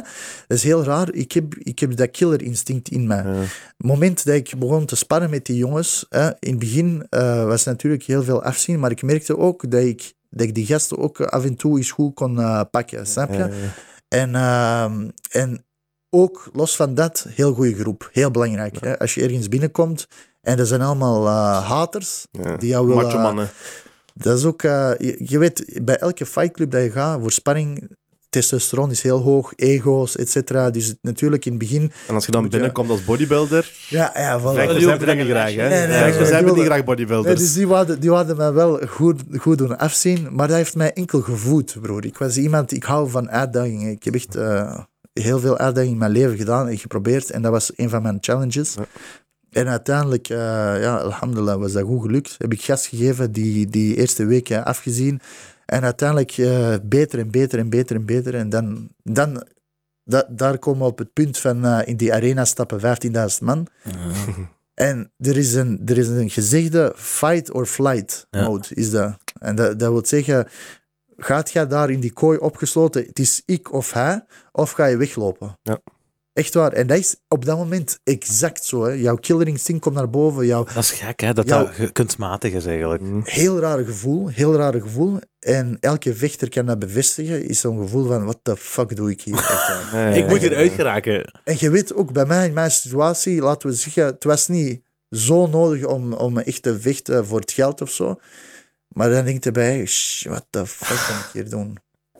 Maar dan gaat die kooi dicht en dan ziet je die gast. feest, en dan ben ik Ja. echt, eh, ja, ja. Focus, hè. Je ziet niks Gewoon anders de gedachte al dat je zegt, dan gaat die kooi dicht. Dus ik als, als, als fan van de sport gewoon aan het kijken, ik denk nog niet eens aan dat die poort dicht gaat op een bepaald punt. En Ja, dat jij daar ja. echt zo van, oké, maar nu, nu is die kooi toe Ja. en nu moeten... eh, Het feestje kan beginnen. ja. Ja, ja. Broer, dat is echt... Dat is een eh, gevoel wat, wat, wat alleen jij kunt, Ja. of mensen die erin zijn geweest, echt kunnen... Ja, ja, dat is iets dat je zelf moet ervaren om het te voelen, vind ik. Echt waar. En het is niet voor iedereen weggelegd. Het is een ton, ton van emoties, eh, heel veel stress, heel veel eh, rare gevoel. Dat je, dat je zegt, je zit in die kooi. En zeker mijn eerste wedstrijd, the fuck, ik kijk even rond mij. Dan besefte ik pas hoeveel man dat er in die arena zat. ook Ja, nog, dat is ook iets. Je ja. zit meteen op zo'n grote Hey, ding is maar begonnen, hè. Hoeveel druk was er op mijn schouders? Kijk, die gast die komt van fitness, hè, bodybuilding. Wat gaat hij hier doen? Die gaat En hier, ze verwachten dat je gaat falen. die gaat hier zwaar op zijn bakjes krijgen. Ja, ja, ja, ja. Dat, was, dat was zo. Ik was echt zware underdog toen. En, eh, ja. Kijk nu, zit je nu nog underdog?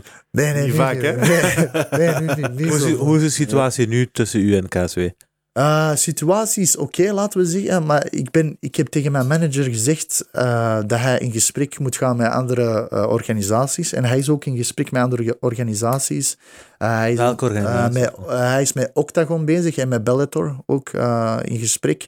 Er zijn veel andere Poolse organisaties die mij ook willen zien vechten.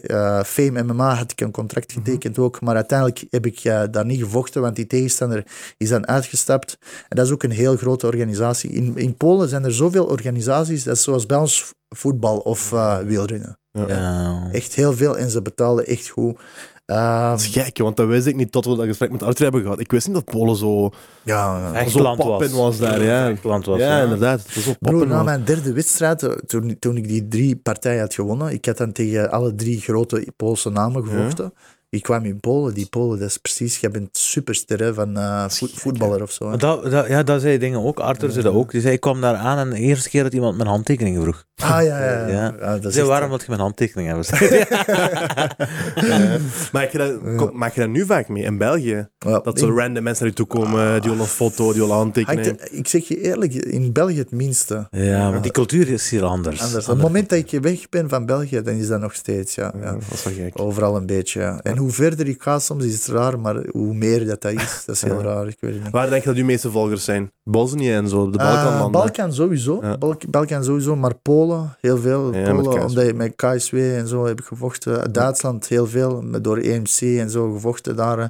Eh, in het algemeen, mijn meeste volgers zijn uit Amerika. Ah, echt, hè? ja. Dat is mijn basis. Dat is mijn eigenlijk de meeste volgers die ik heb. En als ik naar Amerika ga, ben ik ook vaak naar Amerika geweest, merk ik dat ook wel. Ja, ja. Dat is raar, hè? Dat is wel- gek, hè? Zo ver. Ja. Je gaat Zo ver van huis en Ja, thuis kun je maar ik denk ook omdat ik, kijk, ik, toen ik met social media begon, ben ik altijd in het Engels. Heb ik mij altijd in het Slim, Engels man. voorgesteld. Heb ik altijd Engels gewerkt. Slim, anders zou je geen miljoen volgers hebben nu, denk ik. Nee. Hey, jij- nee. Ik denk, als je naar je volgers gaat kijken, er, zijn, er gaan Belgen tussen zijn, hè, maar dat is niet... de- Ja. Nee, nee, er gaan wel Belgen zijn en daarom ook vind ik leuk dat we deze podcast doen. Er zijn Belgen Nederlanders die mij volgen, maar er zijn nog steeds op de dag van vandaag Belgen Nederlanders die v- v- verschieten, die mij horen spreken. Ah, Nederlands, hè. Fuck, die spreekt Nederlands. hè?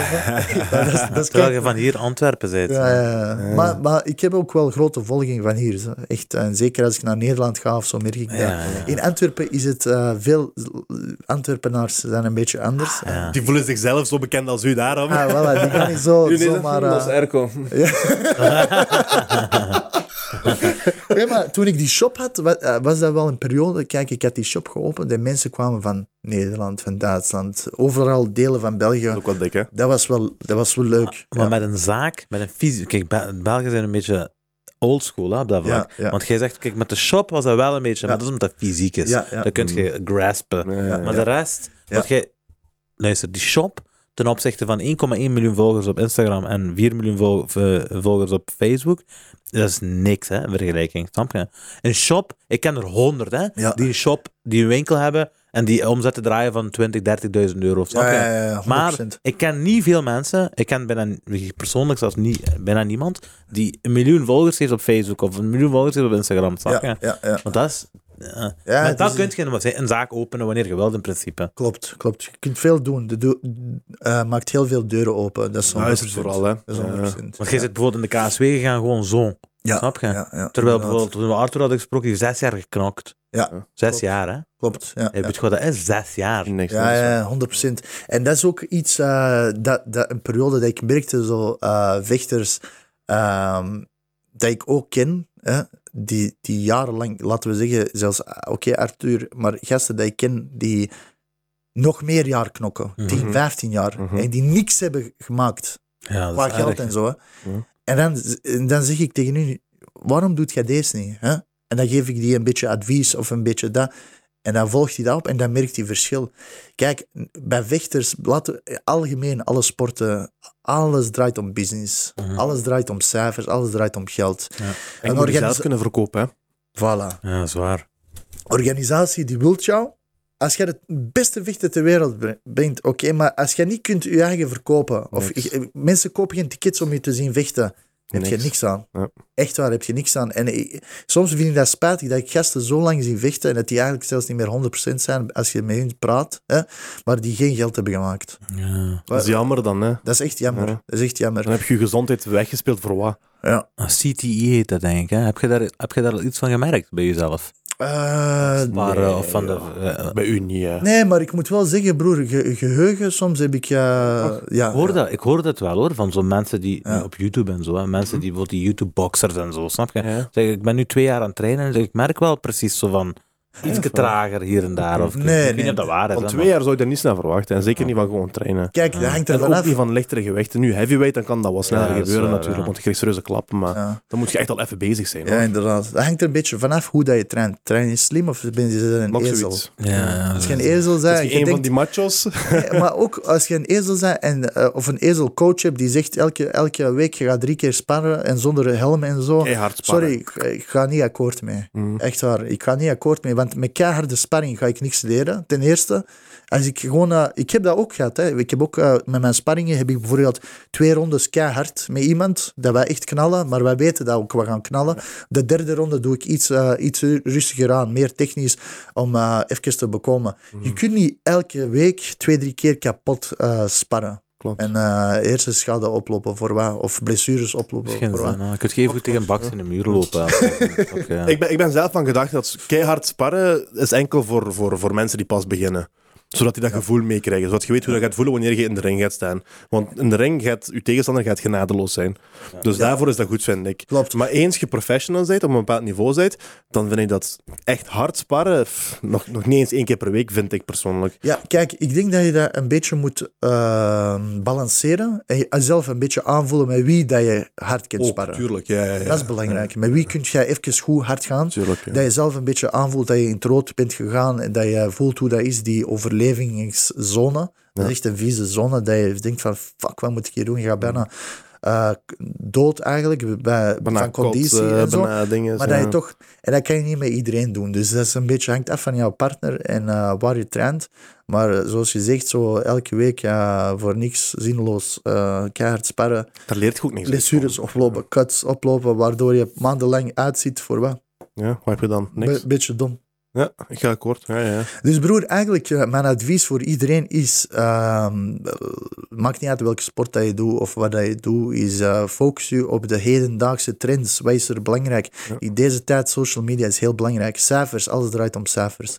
Wilt jij, wilt jij goede fights krijgen? Eh, wilt jij betaald worden voor fights of organisaties? Jij moet je goed kunnen verkopen. Jij bent een goede vechter, oké, dat is goed, ik respecteer u.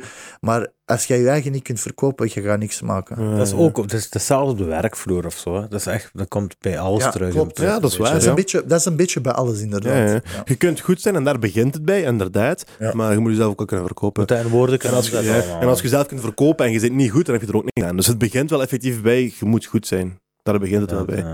Maar de volgende stap is dan ook om jezelf gepusht te krijgen, natuurlijk. Klopt, klopt, klopt. Maar bijvoorbeeld, als je dat, de rest allemaal kunt, je kunt je eigen verkopen en alles, maar je kunt niet vechten, dan moet je ook niet vechten. Voilà, snap je? Ja, dan heb je Doe er ook niks aan. Zeg, ja. Je best terug gaan naar ballet, nee. ja, of iets anders. eh, ja. Nee, nee, klopt, klopt, klopt. Eh, heb je nog andere sporten gedaan? Eh, mijn eerste sport was taekwondo. Oké, ja. Ja, dat was mijn basis zo. Daarom ben ik goed met mijn benen. Dan ben ik Oké. gaan thaiboxen. En eh, uiteindelijk dan zo fitness, bodybuilding. En dan die switch naar eh, eh, MMA. En wat was, was nu uw specialiteit, zou je zeggen? Ik zou zeggen, kijk, ik, ik, ik heb het nooit in mijn leven gedacht. En dat is ook heel raar. Toen in mijn jeugd, toen ik zo eh, die macho, die dat bad boy was, had ik nooit gedacht dat worstelen zo'n intensieve sport was. Ziek, hè? Ja. En zo'n goede sport. Echt, moest ik dat eerder hebben geweten, pff, dan zou ik daar echt wel mee beginnen. Maar eh, dat is een van mijn favoriete sporten nu, worstelen en eh, kickboksen zelf. Ja. Dat zijn die twee, dat zijn twee mijn specialiteiten. En eh, worstelen doe ik in, bij Bors. Wrestling Club Dat is Bors. Hè? Ja, bij Haji Murat, dat is onze trainer. En eh, echt een topclub. Echt een van de beste worstelclubs die je kan vinden in de hele Benelux. vind Ja, ik. veel dingen, hè. Veel eh Veel- Dagestanian veel, eh, wrestlers. Ja, veel, veel, ja, ik moet zeggen ook veel Turken. Ja, echt, waar, echt veel Turken, Oké. goede, goede worstelaars. Turken, Maar Turken Turken ook- zijn goede Ja, ja, worstelaars. Turken ook worstelaars. Turken zijn bekend nationaal ook als, als goede worstelaars. Turken zijn Iranezen, Turken Afghanen, Iranezen. eh, maar ook België. Er zijn veel MMA-vechters die, die daar komen eh, worstelen. Ja. Eh, bijvoorbeeld Jan ook komt daar worstelen. Eh, Jan, ik ben zijn Blachowicz. nee, nee. nee. dat is een Pool. Dat is een Pool. dat is waar. Eh, ja, de Q-Bomber is zijn bijnaam. Hij is ook een goede vechter. Ja, ja, hij komt daar ook worstelen. En dan nog andere jongens. Maar in elk geval, voorstel is zo intensief, broer. Ja. Echt waar. Echt hardste sport dat er is. Echt ja, hardste ja. sport dat er is. Dat maakt van u een complete atleet. Waarom? Jij wordt eigenlijk gymnast. Hè? Want je moet eh, kunnen bewegen als een... Eh, lenig zijn, hè. Ja. lenig zijn, je beweegt en eh, je, je maakt salto's, je maakt dit, dat als je met iemand worstelt. Plus je wordt sterk als een beer. hè. Die grip en eh, alles.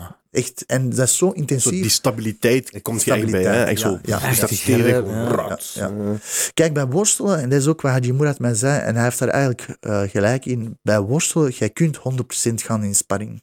Ja, Hè? Zonder je ja, tegenstander eigenlijk te blesseren. Bij, Ja, bij, boksen kun je niet 100% iemand... eh, Nee, je gaat je handen blesseren, je gaat of ja, gezicht hem, blesseren. ja, eh, maar hier kun je echt tot het uiterste gaan. Dus je gaat heel de tijd in het rood. En eh, zonder je eigen eh, tegenstander echt iets eh, aan te doen. Daarom heb je misschien ook zo echt goede worstelaars eigenlijk. Ja. Daarom heb je je eigenlijk kunt de- blijven gewoon. Je kunt, Daarom zijn meeste champs van MMA eigenlijk hebben een goede basis worsteling. ja, klopt. ja, dat is ja. Dat is echt En, en fundamenteel. nu versta ik dat na, na, na zoveel jaren na alles te, gezien te hebben, versta ik dat ook waarom. Maar veel mensen nu, denk ik zo. Ja, nu, ja. in dat worstelen heb je ook wel het voordeel van je bodybuilding, hè? dat je die kracht wel hebt. Eh, ja, Want kijk, kracht is heel belangrijk bij worstelen. klopt. Kijk, de basis die ik heb van worstelen, eh, van de bodybuilding, Mhm. wat is dat? Dat is discipline. Mhm. Dat, Waar- daar wa- begint het waarom? Discipline. Hè? Je moet trainen één keer, twee keer per dag. En dan het eten, dat is de discipline. Dus dat heb ik van mijn, van mijn eh, bodybuilding. En dat heb ik eigenlijk gewoon eh, toegevoegd aan mijn eh, MMA-carrière in het worstelen. In dit, dat. Dus van elke ding dat je in je leven doet, kun je punten uithalen die je kan gebruiken in andere dingen. Dus dat is sowieso, en daar ben ik ook dankbaar voor dat ik dat heb gedaan, dat ik die basisdiscipline heb. En eh, dat maakt het wel makkelijker bij de andere sporten. Wat was het nadeel wat je ervan hebt gezien? Ah, conditioneel. Ah, dat geloof ik. Ja, broer, vroeger, eh, vroeger toen ik eh, in bed was met een meisje. broer was afzien, echt waar. Echt serieus, hè? Voor 15 minuten, ik was kletsnat, jongen. Ik Ah, echt, zo. Maar Ik dus- zo, broer. Dus bodybuild. Je deed geen cardio tijdens bodybuilding, of... eh? Nee, je deed wel cardio, maar broer, je kunt dat niet vergelijken. Echt waar. Broer, nu twee uur, geen probleem. Echt waar, kom boven, beneden, alles. Mijn verloofde, die weet dat wel. maar ik wil maar zeggen, dus, dus conditioneel was dat echt een, echt een probleem. Echt, Ja, echt een probleem. Dat was in het begin. En ook het verzuren van de spieren. Want bij bodybuilding maakt je je spieren korter. Korter, ja. Korter. Korter, hè? Kort, ja. Dus eh, bijvoorbeeld, laten we zeggen, opwarming bij, bij Thai-box springtouw. Mijn kuiten, dat was... Kapot. In het begin was gewoon niet normaal. Echt.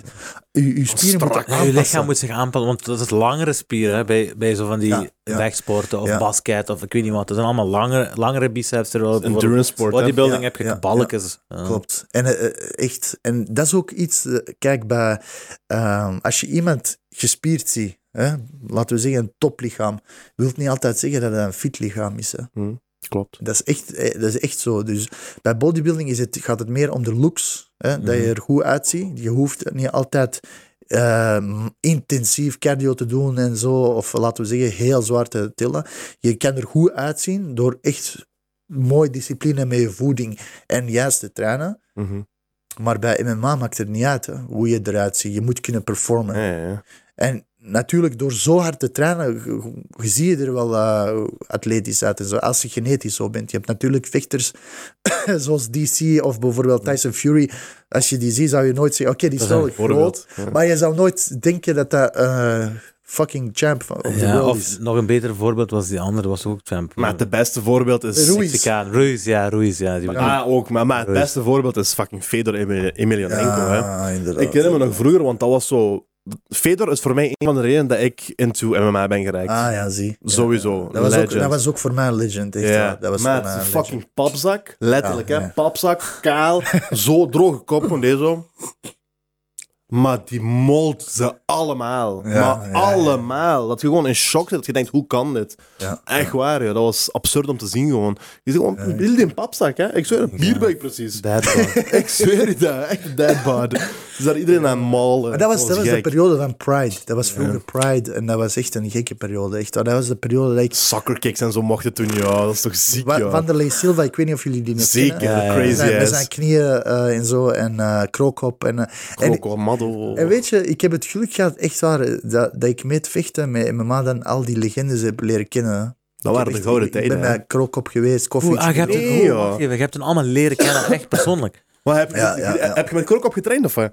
Eh, ik heb met Krookop... Nee, hij is les komen geven bij ons in de gym. Nee, maar ik ben gewoon hier. met hem gaan eten bij- in Duitsland. In Ah. Duitsland ja. Ja, ja, ja. Ik ben met hem gaan trainen, ik ben eh, gaan eten, gaan drinken. Oh. Ehm, trainen hebben we niet gedaan. Ik heb wel met andere jongens die bij hem trainen, samen getraind en zo.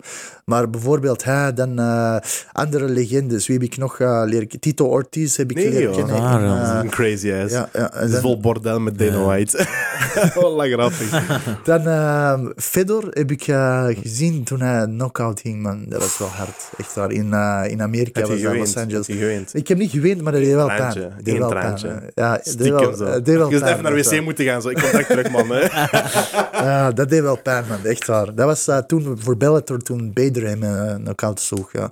Ryan Bader, ja, juist, juist, juist. Maar En hij is nog altijd kampioen, dus Ja, wil ja, wel ja, iets zeggen. hè? Ja, ja. Maar Gohan ga je misschien pakken. Inshallah. Zie Inshallah. dat echt hem, ik zweer Ja, dat. ja, hij is wel echt Hij is hij potentieel. hebben. Ja. Ja, hij is zo, hij is zo, broer. Ik Hij- zie hij heeft echt wel wel eh. Ik potentieel. hoop dat echt, maat. Ja, Ik hij echt. potentieel. Hij Ja, dat gaat, dat, gaat echt een, dat gaat een aardverschuiving veroorzaken, zoiets. dan. Meen. Ja. Je zegt dat hij van dat die de, de, de hedendaagse eh, heavyweight kampioen van Bellator is al hoe lang kampioen dan? Pff, Lang vijf Hij is, jaar wel, hij is wel al een tijdje kampioen. Ja, En jullie zeggen nu dat ik. van hoe is de zolder, dat hij eh, in principe... hè, Broer, ik ben heel biased natuurlijk, hè, Ja. maar Ja. ik zie dat echt wel gebeuren. ja, Ik zie dat echt Dat wel is al- gebeuren. moment, dat is weet je, al een en weet je wat, hoe, hoe dat je dat ziet? Gewoon aan de discipline. Ja. Kijk, Kokan die rijdt eh, zonder, zonder te liegen, die rijdt twee uur eh, naar Leiden om sparring te doen. Die rijdt een uur naar Antwerpen voor worstel te doen. Die rijdt een uur en een half naar een andere plek voor te sport. Dus hij, hij, In hij Duitsland, in doet het ook, hè. Nederland. Ja. Snap je? Hij, hij maakt echt tijd voor zijn trainingen. Hij, hij heeft discipline. Hij let op zijn voeding. en, eh, Zij Said, ja, dat is de ja. tweede keer op de podcast dat iemand dat exact zegt over hem. ah, echt? Ja. Said El Badawi Ah, van ja, SBSM. ja, ja, zei, hij heeft eh, discipline, hij gaat... En Dat is, dat is belangrijk, broer. Als je dat, en de wilskracht, hè, als je dat wilt. Dat sowieso. Ja, broer. Je moet nergens aan beginnen als je, als, je, als je iets niet wilt doen of je hebt geen eh, discipline om te Ja. doen. Dat is, eh, ja, ja, je moet hongerig zijn, hè, sowieso. Ja, Dat is dat wel is dik. wel echt, ja. Erko, ik wil, zonder dat we dat vergeten, wil ik het ook nog even hebben over eh uw smash burgers. Ja, je, zit, Ah, je, zit be- je zit bezig met, een- met een aantal zaken. Of? ja, Let- ja, Let's talk about food. ja, klopt. Laten we over voeding praten. En dat is een heel goed idee, inderdaad, dat we dat doen. Eh, ik ben ondertussen twee, drie maanden bezig met een burgerconcept. Een nieuw burgerconcept. Eh, eigenlijk dat niet normaal is. Echt. Het is een eh, burgerconcept dat uit Amerika komt. Dat is een trend in Amerika, smashed burgers. Dus het zijn geen gewone burgers, eh, maar smashed burgers. Het vlees wordt geplet. Het patty is iets kleiner, de Ja. vleespatty. Eh, twee, drie patties kan je zelfs erop zetten. Hoeveel gram is dan per patty? Eh, ongeveer 80 gram. 80, oké. En de Mac's Ja, zijn die, ja. als ik me niet vergis, ook 80 of 90? Ja. De bedoeling van zo'n smashpad is dat die platter zijn, dat je meer oppervlakte hebt voor korst. hè. Dus Ja, de korst is lekker van de een burger. structuur, Het structuur is helemaal anders in het Ja. vlees. En ik moet jullie zeggen, jongens, ik ben twee weken geleden eh, geweest op testfase. dus we hadden een, een eh, hele eh, testperiode dat wij burgers en vlees, vooral vlees, gingen proeven. En de buns, natuurlijk de buns. Ja, het brood is ook helemaal anders. Hè? Het brood, ik ga jullie nog niet echt vertellen het ge- de geheimen, want die, gaan jullie proeven. Maar eh, laten we zeggen, het vlees en het brood is helemaal anders dan je in de meeste burgerzaken proeft. Dus waardoor het echt een, qua product, echt top. Echt top. En je weet, als je een product, product hebt dat top is, die ga je ook met plezier verkopen aan de mensen. Honderdlijk. Ja, ja. Als je erachter staat, dan sta je erachter. hè. Als je erachter staat. Maar los van dat, eh, het product eh, is het concept heel interessant. Waarom? Omdat het heel comic is. Dus eh, het is comic pop art. ja. Eh, een soort Marvel gedoe, maar dan eigen heroes. Ik ben een van de heroes in de, in de Keihard. zaak. En dus, het concept, eh, allee, de burgerzaak heet Super Smash met een E. En waarom E? Omdat in de MMA-wereld wordt er vooral gesmashed smashed. hè. Smash. Smash Brothers of uh, Khabib die gasten gaat smashen. En Daar wordt allemaal mee ingezegd. En uh, het is ook zoiets van een klein accentje van de MMA-wereld, maar ook Dat iets cool. maar ook iets heel uniek. Eh, Super Smash bestaat niet. Eh, we hebben de website ook ineens eh, eh, in de rest social media kanalen in orde gebracht. En ik heb ook eigenlijk heel iets eh, slim gedaan. Ik had eh, voor de Ercoin shop had ik een pagina met 20.000 volgers. En wat heb ik gedaan? Ik heb gewoon de switch gemaakt. Ik heb mijn volgers gewoon... eh, ik heb Super Smash van gemaakt. dus ik heb nu iets nieuw aan de mensen. Het is- geen kleding, maar het zijn wel burgers. En heel lekkere burgers.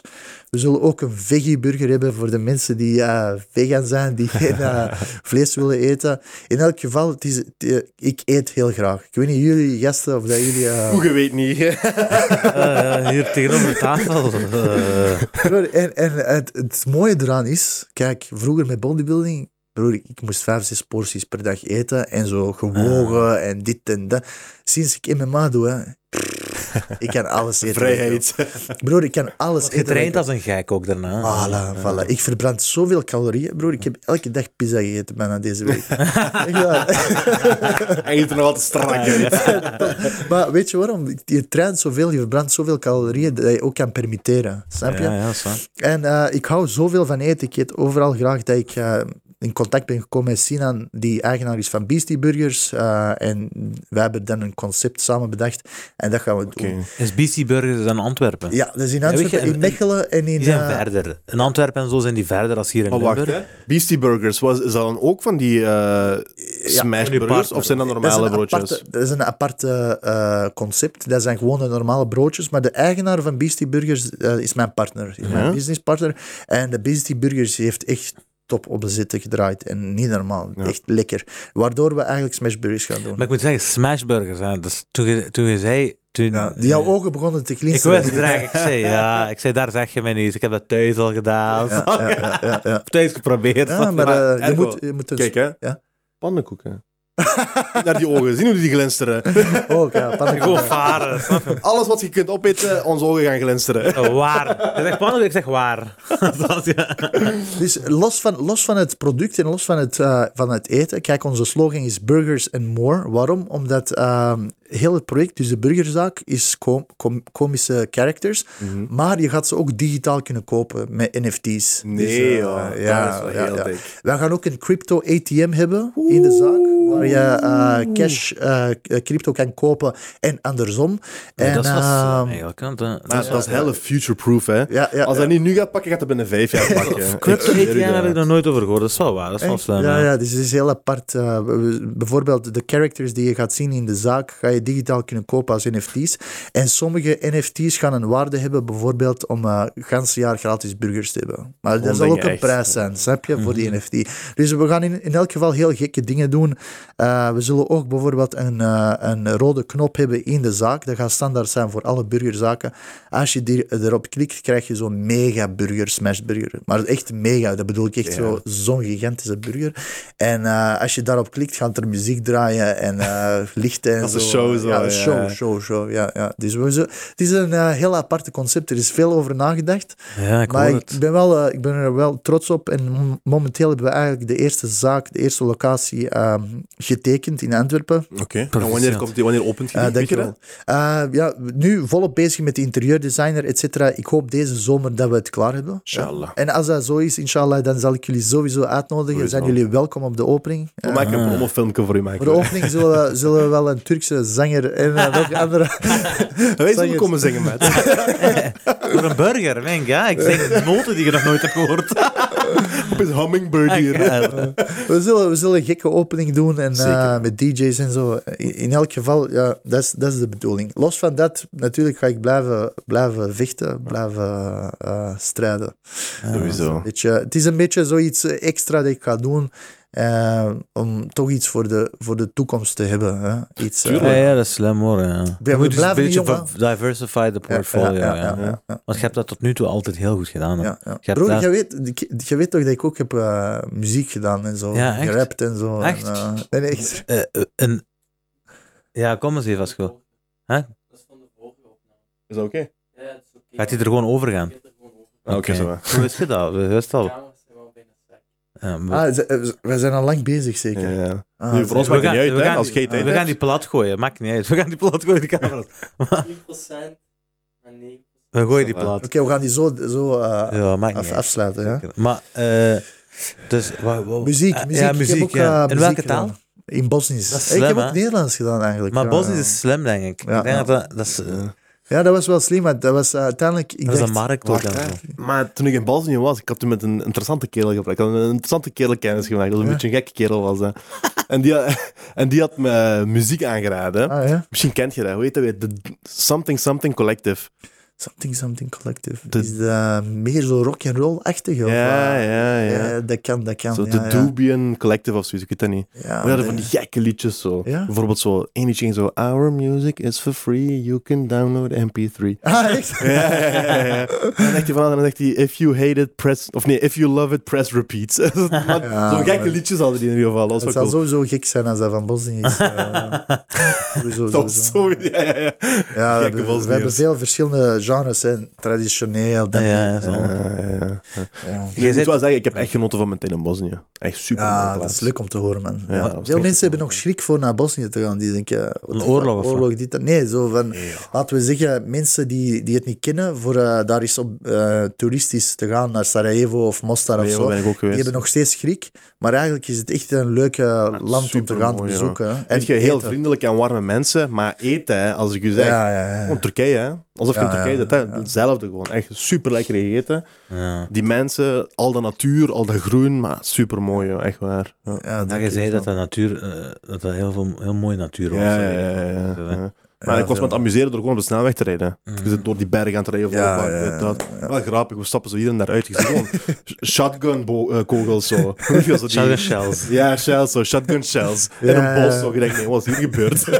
Gewoon vrij leven. ja, ik Vrij zie leven. Ja, het is- Wanneer is de is, laatste keer dat je het geweest? Eh, vorig jaar ben ik Ah, Oké, geweest. dus ja, je gaat wel regelmatig Ja, ik ga wel regelmatig. Ik ben een tijdje niet geweest, een lange tijd, periode, zo tien jaar. Toen, eh, laten we zeggen, van mijn twintigste tien jaar niet geweest. Maar daarna wel, daarna wel vaker geweest en zo.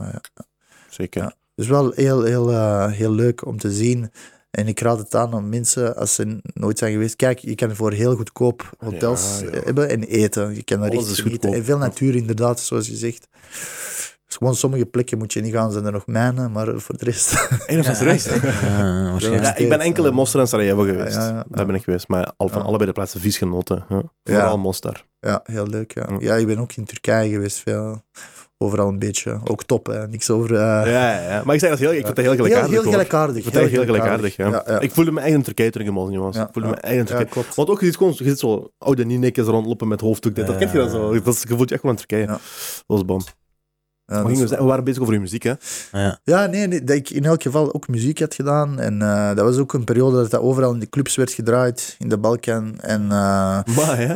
ja, ja, echt waar. Hij heeft meer dan een miljoen views op YouTube of zo ondertussen. Ja, ja. Maar dan had ik zoiets van, pff, nee, toch niet. Jong. Dan had Was ik, het dat- niet? Nee, nee, nee. Maar toch alles bijna geprobeerd in mijn leven. Wat je Ik kan chic voorstellen. zo. Ja, ik heb dat graag zo'n Ja, ja, ja. dat- dat Ik heb ook alles, wel graag. alles wat ik in mijn hoofd had voor te doen, heb ik ja, zoiets van, dat wil ik proberen. Heb ik Voilà. ook, Hij was in de volgende stappen dan. Uiteindelijk gaat je niet met vra- vraagtekens Ja. overblijven. Dat is het mooie. Ah, nee, inderdaad. Je gaat niet denken, what if? Wat als ik dat zou gedaan hebben? Ja. Waarom heb je dat nooit geprobeerd? Had Ik ik dat vind nooit ook dat je, dat je in het leven eh, dingen moet proberen. Hè. Mijn, Veel mijn, mogelijk proeven. Voilà. mijn levensmotto is no risk, no reward. Dat is al van eh, Dat dag één. Ja, maar dat is ook echt En dat zo. is ook zo. Als je het niet probeert, weet je het niet. Hè. Nee. Ja, dat Dus je, nu, je zit nu met die smash eh, burgers Ja, bezig. Heb je nog dingen die, die Ah, waar met, gaan denken? met Smash Burgers wil ik echt eh, groot gaan. We willen het echt internationaal aanpakken. Ook, dus ook naar. Limburg je van plan te komen. Ja, ja, ja, we gaan echt eh, overal, niet alleen nationaal, ook internationaal willen we werken. Door mijn connecties gaat dat wel allee, beter gaan dan anders. Ehm, los van dat wil ik nog vechten. Ik ga waarschijnlijk, dat zou voor mij heel mooi zijn, dat is ook zo'n doel dat ik heb, is die belt, een belt hebben van een organisatie. En niet zomaar een Dat is een organisatie. mooi doel hoor. Ja. Daar heb ik die EMC, eh, heb ik waarschijnlijk in september een fight voor de titel. Was dat voor light heavyweight of voor, Light heavyweight, voor light ja, heavyweight? ja, Ja, Tegen wie? Eh, dat weet ik nog niet zeker, maar ik denk een Braziliaan zou scoren 8-1. Oké. Een goede, goede Braziliaan. Ja. maar maar eh, dat vind ik ook, als ik voor de titel moet vechten, mag dat gerust iemand zijn die dat goed knokt en zo. Ja, dat ja, geeft dat mag een uitdaging zijn. ja. Dus eh, ik denk dat, dat dat ook van een van mijn, laten we zeggen, eh, dingen zijn op de bucketlist. Zo. Ja. Ja. En je, had- je had, ook al gezegd dat je in onderhandelingen bent nu, als je er aan kijken voor een andere organisatie. hè? was, wat zou uw favoriet zijn? Eh, ik, zie, ik zie me wel ook graag bij Bellator vechten, eerlijk. Maar Octagon even goed. Ook een grote show. Laatste event dat ze hebben gedraaid was 12.000 man. Ja. Dat is ook niet weinig. Wat, wat, wat is voor u het belangrijkste in een, in een organisatie? Dat zou correct zijn.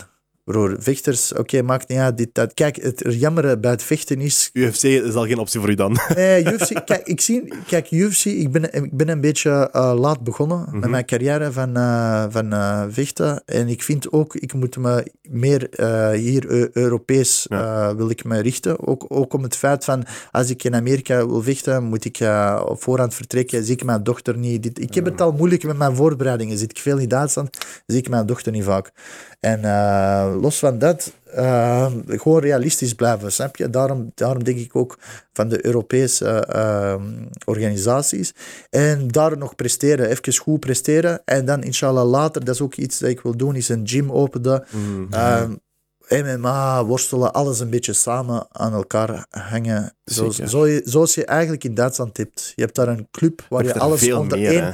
Dak hebt. En hier moet je al, ah, ik moet eh, voor grappling naar daar, ik moet daar, want niet alles zit onder één dak. Je, je hebt hier in Brussel heb je wat shocks. Kent je Ja, dat? klopt, klopt. Ja, Shocks Ga je daar je- ook trainen? Of? Ah, nee, nee. Ik ga bij Celtics eh, voor mijn striking, maar bij. Shocks weet ik ook dat je daar een eh, club hebt, ja. Maar laten we zeggen, in Antwerpen bijvoorbeeld heb je niks. nu, ik ken ook alleen maar shocks. Voor de rest Ah, ken ik geen enkele andere in België die inderdaad alles doet. ja, dat is een beetje moeilijk om te vinden, inderdaad. Omdat België Team ook... Fighter heb je nu ook in Genk. Dat is die Arthur traint. Maar, Ja. Maar, maar over het algemeen, eh, België wordt MMA een beetje zo... Aan de kant gezet, ja. eh, is een beetje voor, voor barbaren. hè. Ja, dat is Ja. jammer hè. Ja, maar dat is... ja. We kijken naar wielrennen hier, hè.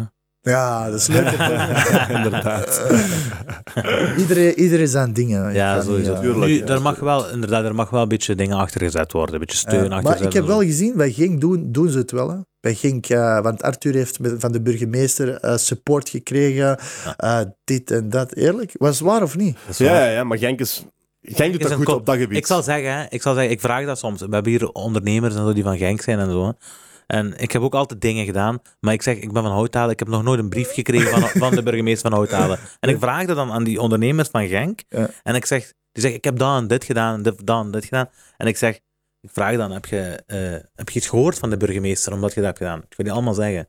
Ik heb een brief gekregen allemaal. Echt? Allemaal een Ja, brief gekregen van de We hebben gezien wat je doet. We vinden het chic en inspirerend. Eh, als je iets nodig hebt, eh, contacteer Amai. ons. Zo, hè, op die manier. Respect, joh. Ja, ja, maar Wat hier is is de dat burgemeester? Wie is dat? Broer, de burgemeester is Wim eh, Dries, hè. Wim, echt hadden- topper, jong. Ja, we hadden hier op een aflevering hadden we die van Mao Kattencafé. Dus dat waren Jelis en Dries. Die hebben allebei een kattencafé geopend. Dat is een café en die hebben daar een paar katten rondlopen. Snap je? Dat is Ja. fijn voor de mensen. Ja. En die, wat, wat die zelfs ook doen is van asielcentrum pakken die katten. Die houden die bij hun in hun café. Zodat mensen die iets komen drinken kunnen die Amai. adopteren via Amai, hun. Ja, zo, dat is je? een, een, een, een, een nieuw concept. Ja, ja, ja, creatief. ja. Een mooi concept, Ja, een positief concept. Ja, positief. Dus die doen dat. En die zeggen op de aflevering, zeggen we, ah, is Wim Dries langs geweest? Zegt ja, eigenlijk niet, zegt hij. Ik zeg, ah, weet je wat, dan vragen we nu aan Wim of die wat komen en dan zullen we zien. We Ja. doen dat, bla bla bla. We zetten op Instagram. Wim Dries antwoordt, zegt, ik ga er zeker langs gaan. Ik zweer, vorige week of twee weken geleden, we zien opeens een Instagram-verhaal. Zegt, Wim Dries, die post, die zegt, Ja. remember, vraagteken, en die is gewoon daar.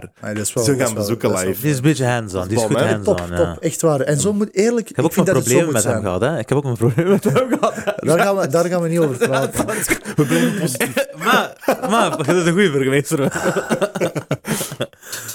Nee, dat is wel top. Echt waar. En bij Antwerpen is dat niet echt eh, support. eh. Ja, ik, zei, ik zit ook nergens anders voor. Alleen in Genk zie ik Maar dat. veel meer mensen ook in Antwerpen, denk ik ook. Welk? Veel meer mensen. Ja, veel meer dat- mensen ook. Maar eh, laten we eerlijk zijn, we hebben ook wel eh, mensen die top presteren in bepaalde dingen en zo. Ik denk Antwerpen is, is, de, is een van de echte Hotspots. hoofdplaatsen, of hotspots. Ik zeg Antwerpen is de LA van, van, van België bijvoorbeeld, snap je? Ja, ja. Als, als Los Angeles en Californië de LA is vandaar, is, Ja. ik denk dat Antwerpen hier de LA is. Antwerpen is wel... Ja, zeggen, ja. Ja, dat is een hub van creativity, hè, mode, muziek, Ja. eh, Beetje van alles. ja. een beetje van alles. ja. De- Ja, ja. Weet je wat, wat ook een beetje jammer is, vind ik? Eh, kijk, ik ben 31, 32 nu bijna. Ik heb pff, al van alles gedaan in mijn leven. Ook qua, qua heel grote dingen, ook qua partijen gedraaid of ik weet niet wat. Ehm, maar van België nooit echt erkenning gekregen. Ja, ik hoorde dat Ja, vaker. dat is het, ja. ja. Wij horen dat vaker. Ja. Echt, We klagen waar. er ook vaker over. Echt een, eh, ik, pff, eerlijk, ik ben blij dat ik in België heb, kunnen opgroeien. Hè. En eh, ben in België dankbaar voor wat, wat ik heb kunnen doen en mijn carrière maken. Of laten we zeggen, ehm, voor mijn gezin een leven le- Mhm. geven. En eh, het is ook een land die je mogelijkheden geeft.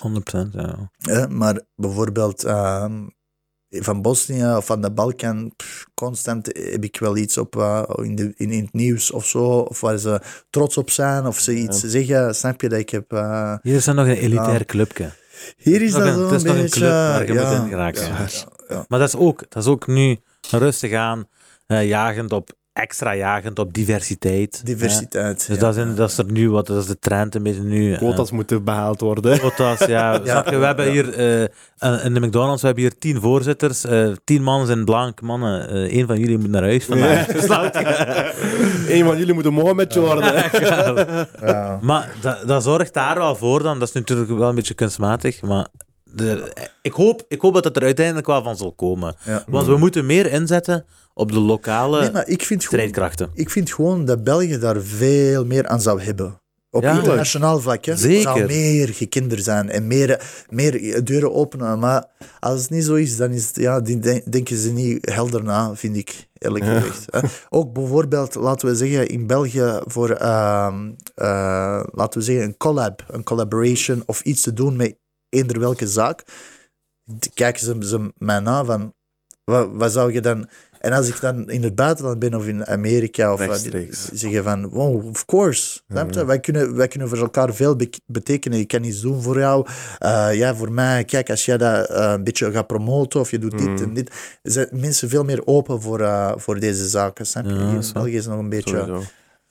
Ja, maar daar gaan wij verandering in brengen. Maar ja, maar dat is echt, hè. Dat is, Echt dat is, waar. dat is, dat is echt. We hopen, wij hopen daar ook echt veranderingen te brengen. En Ja. dat we uiteindelijk moeten beginnen.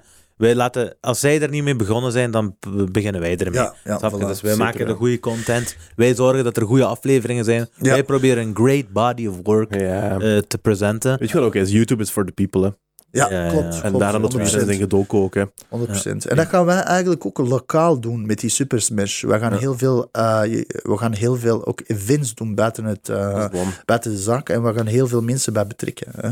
Zeker. Dus eh, dat, jullie gaan daar ook veel over horen. Ik zal jullie ook wel eh, op tijd inlichten. Ja, ja, inlichten. dat is maar graag hoor. maar dat graag. willen we wel. zeker. We willen eigenlijk dat België een beetje terug een beetje meer actiever wordt, qua, ook qua media, et cetera. En eh, de juiste dingen, niet alleen van eh, die heeft in zijn broek gekakt gisteren, Ja. op de, eh, enkel van dezelfde mensen altijd, Ja, ja, ja. die eigenlijk niet interessant zijn, snap je? Ja, of dat, dat eigenlijk helemaal niks, eh, hoe zeg je dat, inhoud heeft. Mhm, mhm. Snap je wat ik bedoel? Dus we zullen dat wel fixen. hè. Zeker. Ja, dat komt zeker. We gaan België redden. echt wel.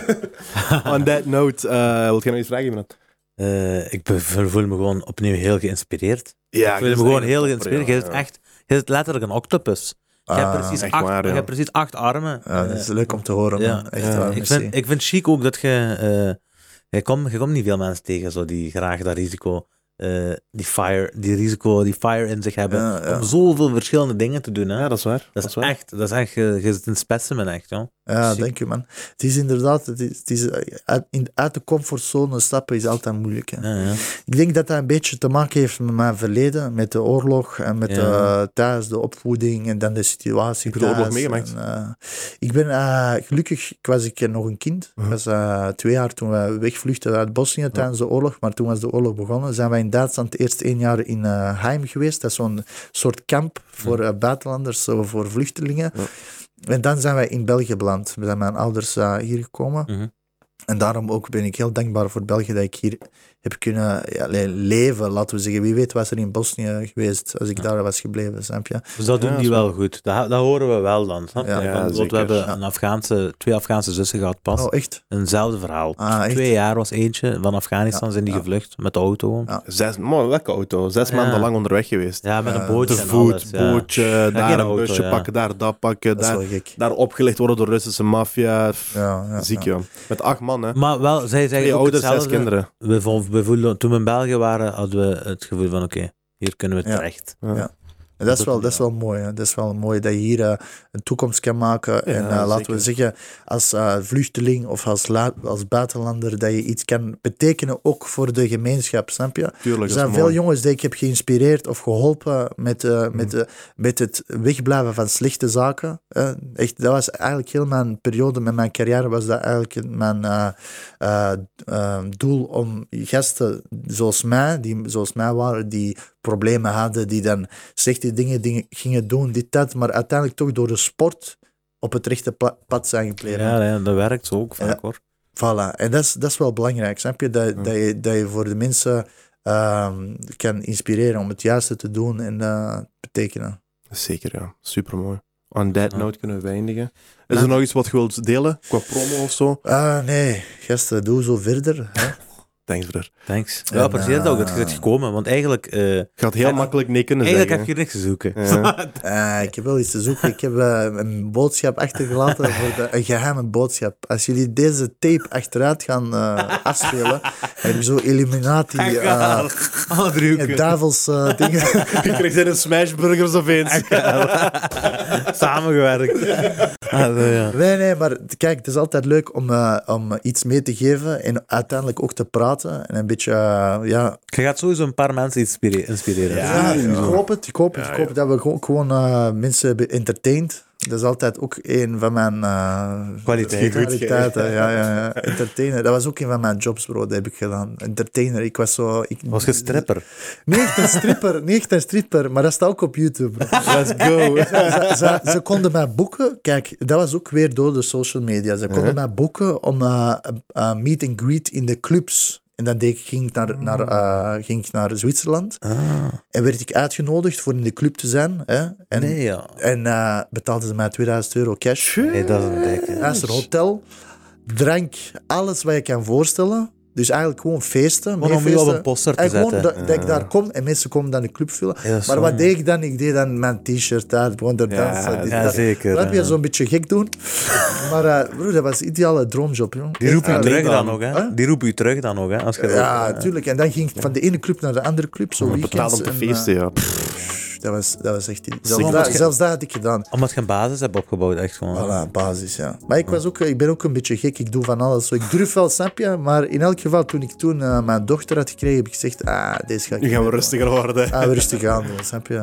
Ja, zeker. Focus op... eh, Maar dat past, die smashburger dingen en zo, dat past, dat Ja, past je hebt- erbij. Je Zeker hebt dat ook mooi gepivot. Ja. Ja, je hebt het allemaal mooi gedaan. Ik heb nu een zeg. doktertje, we gaan een comic book, eh, comic book burger joint openen. ja, ja, ja, alles heeft zijn tijd, hè. Sowieso. Alles heeft zijn tijd. Ja, Heel veel succes ermee. Ik hoop, je, eh, ik hoop je. dat je dat, dat, ik hoop dat je dat gaat scheuren. Ik Dank dat je, dat echt waar. Ik Je hebt onze steun sowieso. Ja, Zodra je open zijn we daar. ja 100%. Top, apprecieer het. Goeie. Herko, bedankt voor te komen. Eh, Dikke aflevering. mensen, eh, keer op keer moeten we dat bewijzen aan jullie.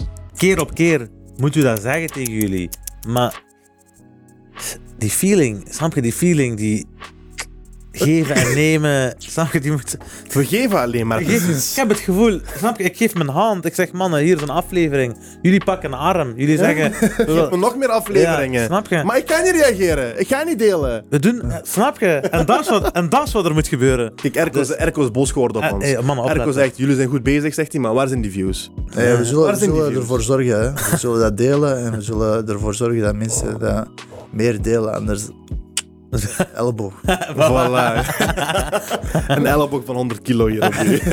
Ja, ik, ik zeg je, als die elleboog de strongest man alive bijna heeft eh, KO geslaan, dan... eh, Ah, meneer, laat herinneren. dat is niet gebeurd, dat is niet gebeurd. die wedstrijd bestaat niet. mensen, abonneer gewoon. Dit is, dit is content. Dit is content, dit is kwaliteit. Eh, als je niet weet wat kwaliteit is en wat content is, eh, dat is deze video. nu weet je het. cirkel aan het gaan. Bedankt voor het kijken. Abonneer, like, gooi een commentje. We willen graag zien dat je geëngageerd bent. Eh, dat motiveert ons ook om nog zo dikke gasten te regelen, zoals Erco. Hè. Dat is inspiratie voor velen. Dat zijn verhalen die je nog nooit hebt gehoord. Dat zijn, dat zijn dingen die je nog niet wist dat mogelijk was. Snap je? Van bodybuilder naar MMA-vechter. De uh, hit van de Balkan. Die zijn strippen in Zwitserland. wat, wat, wat zullen we nog gaan doen? Thanks voor het kijken. Thanks voor het kijken. Peace. Ciao.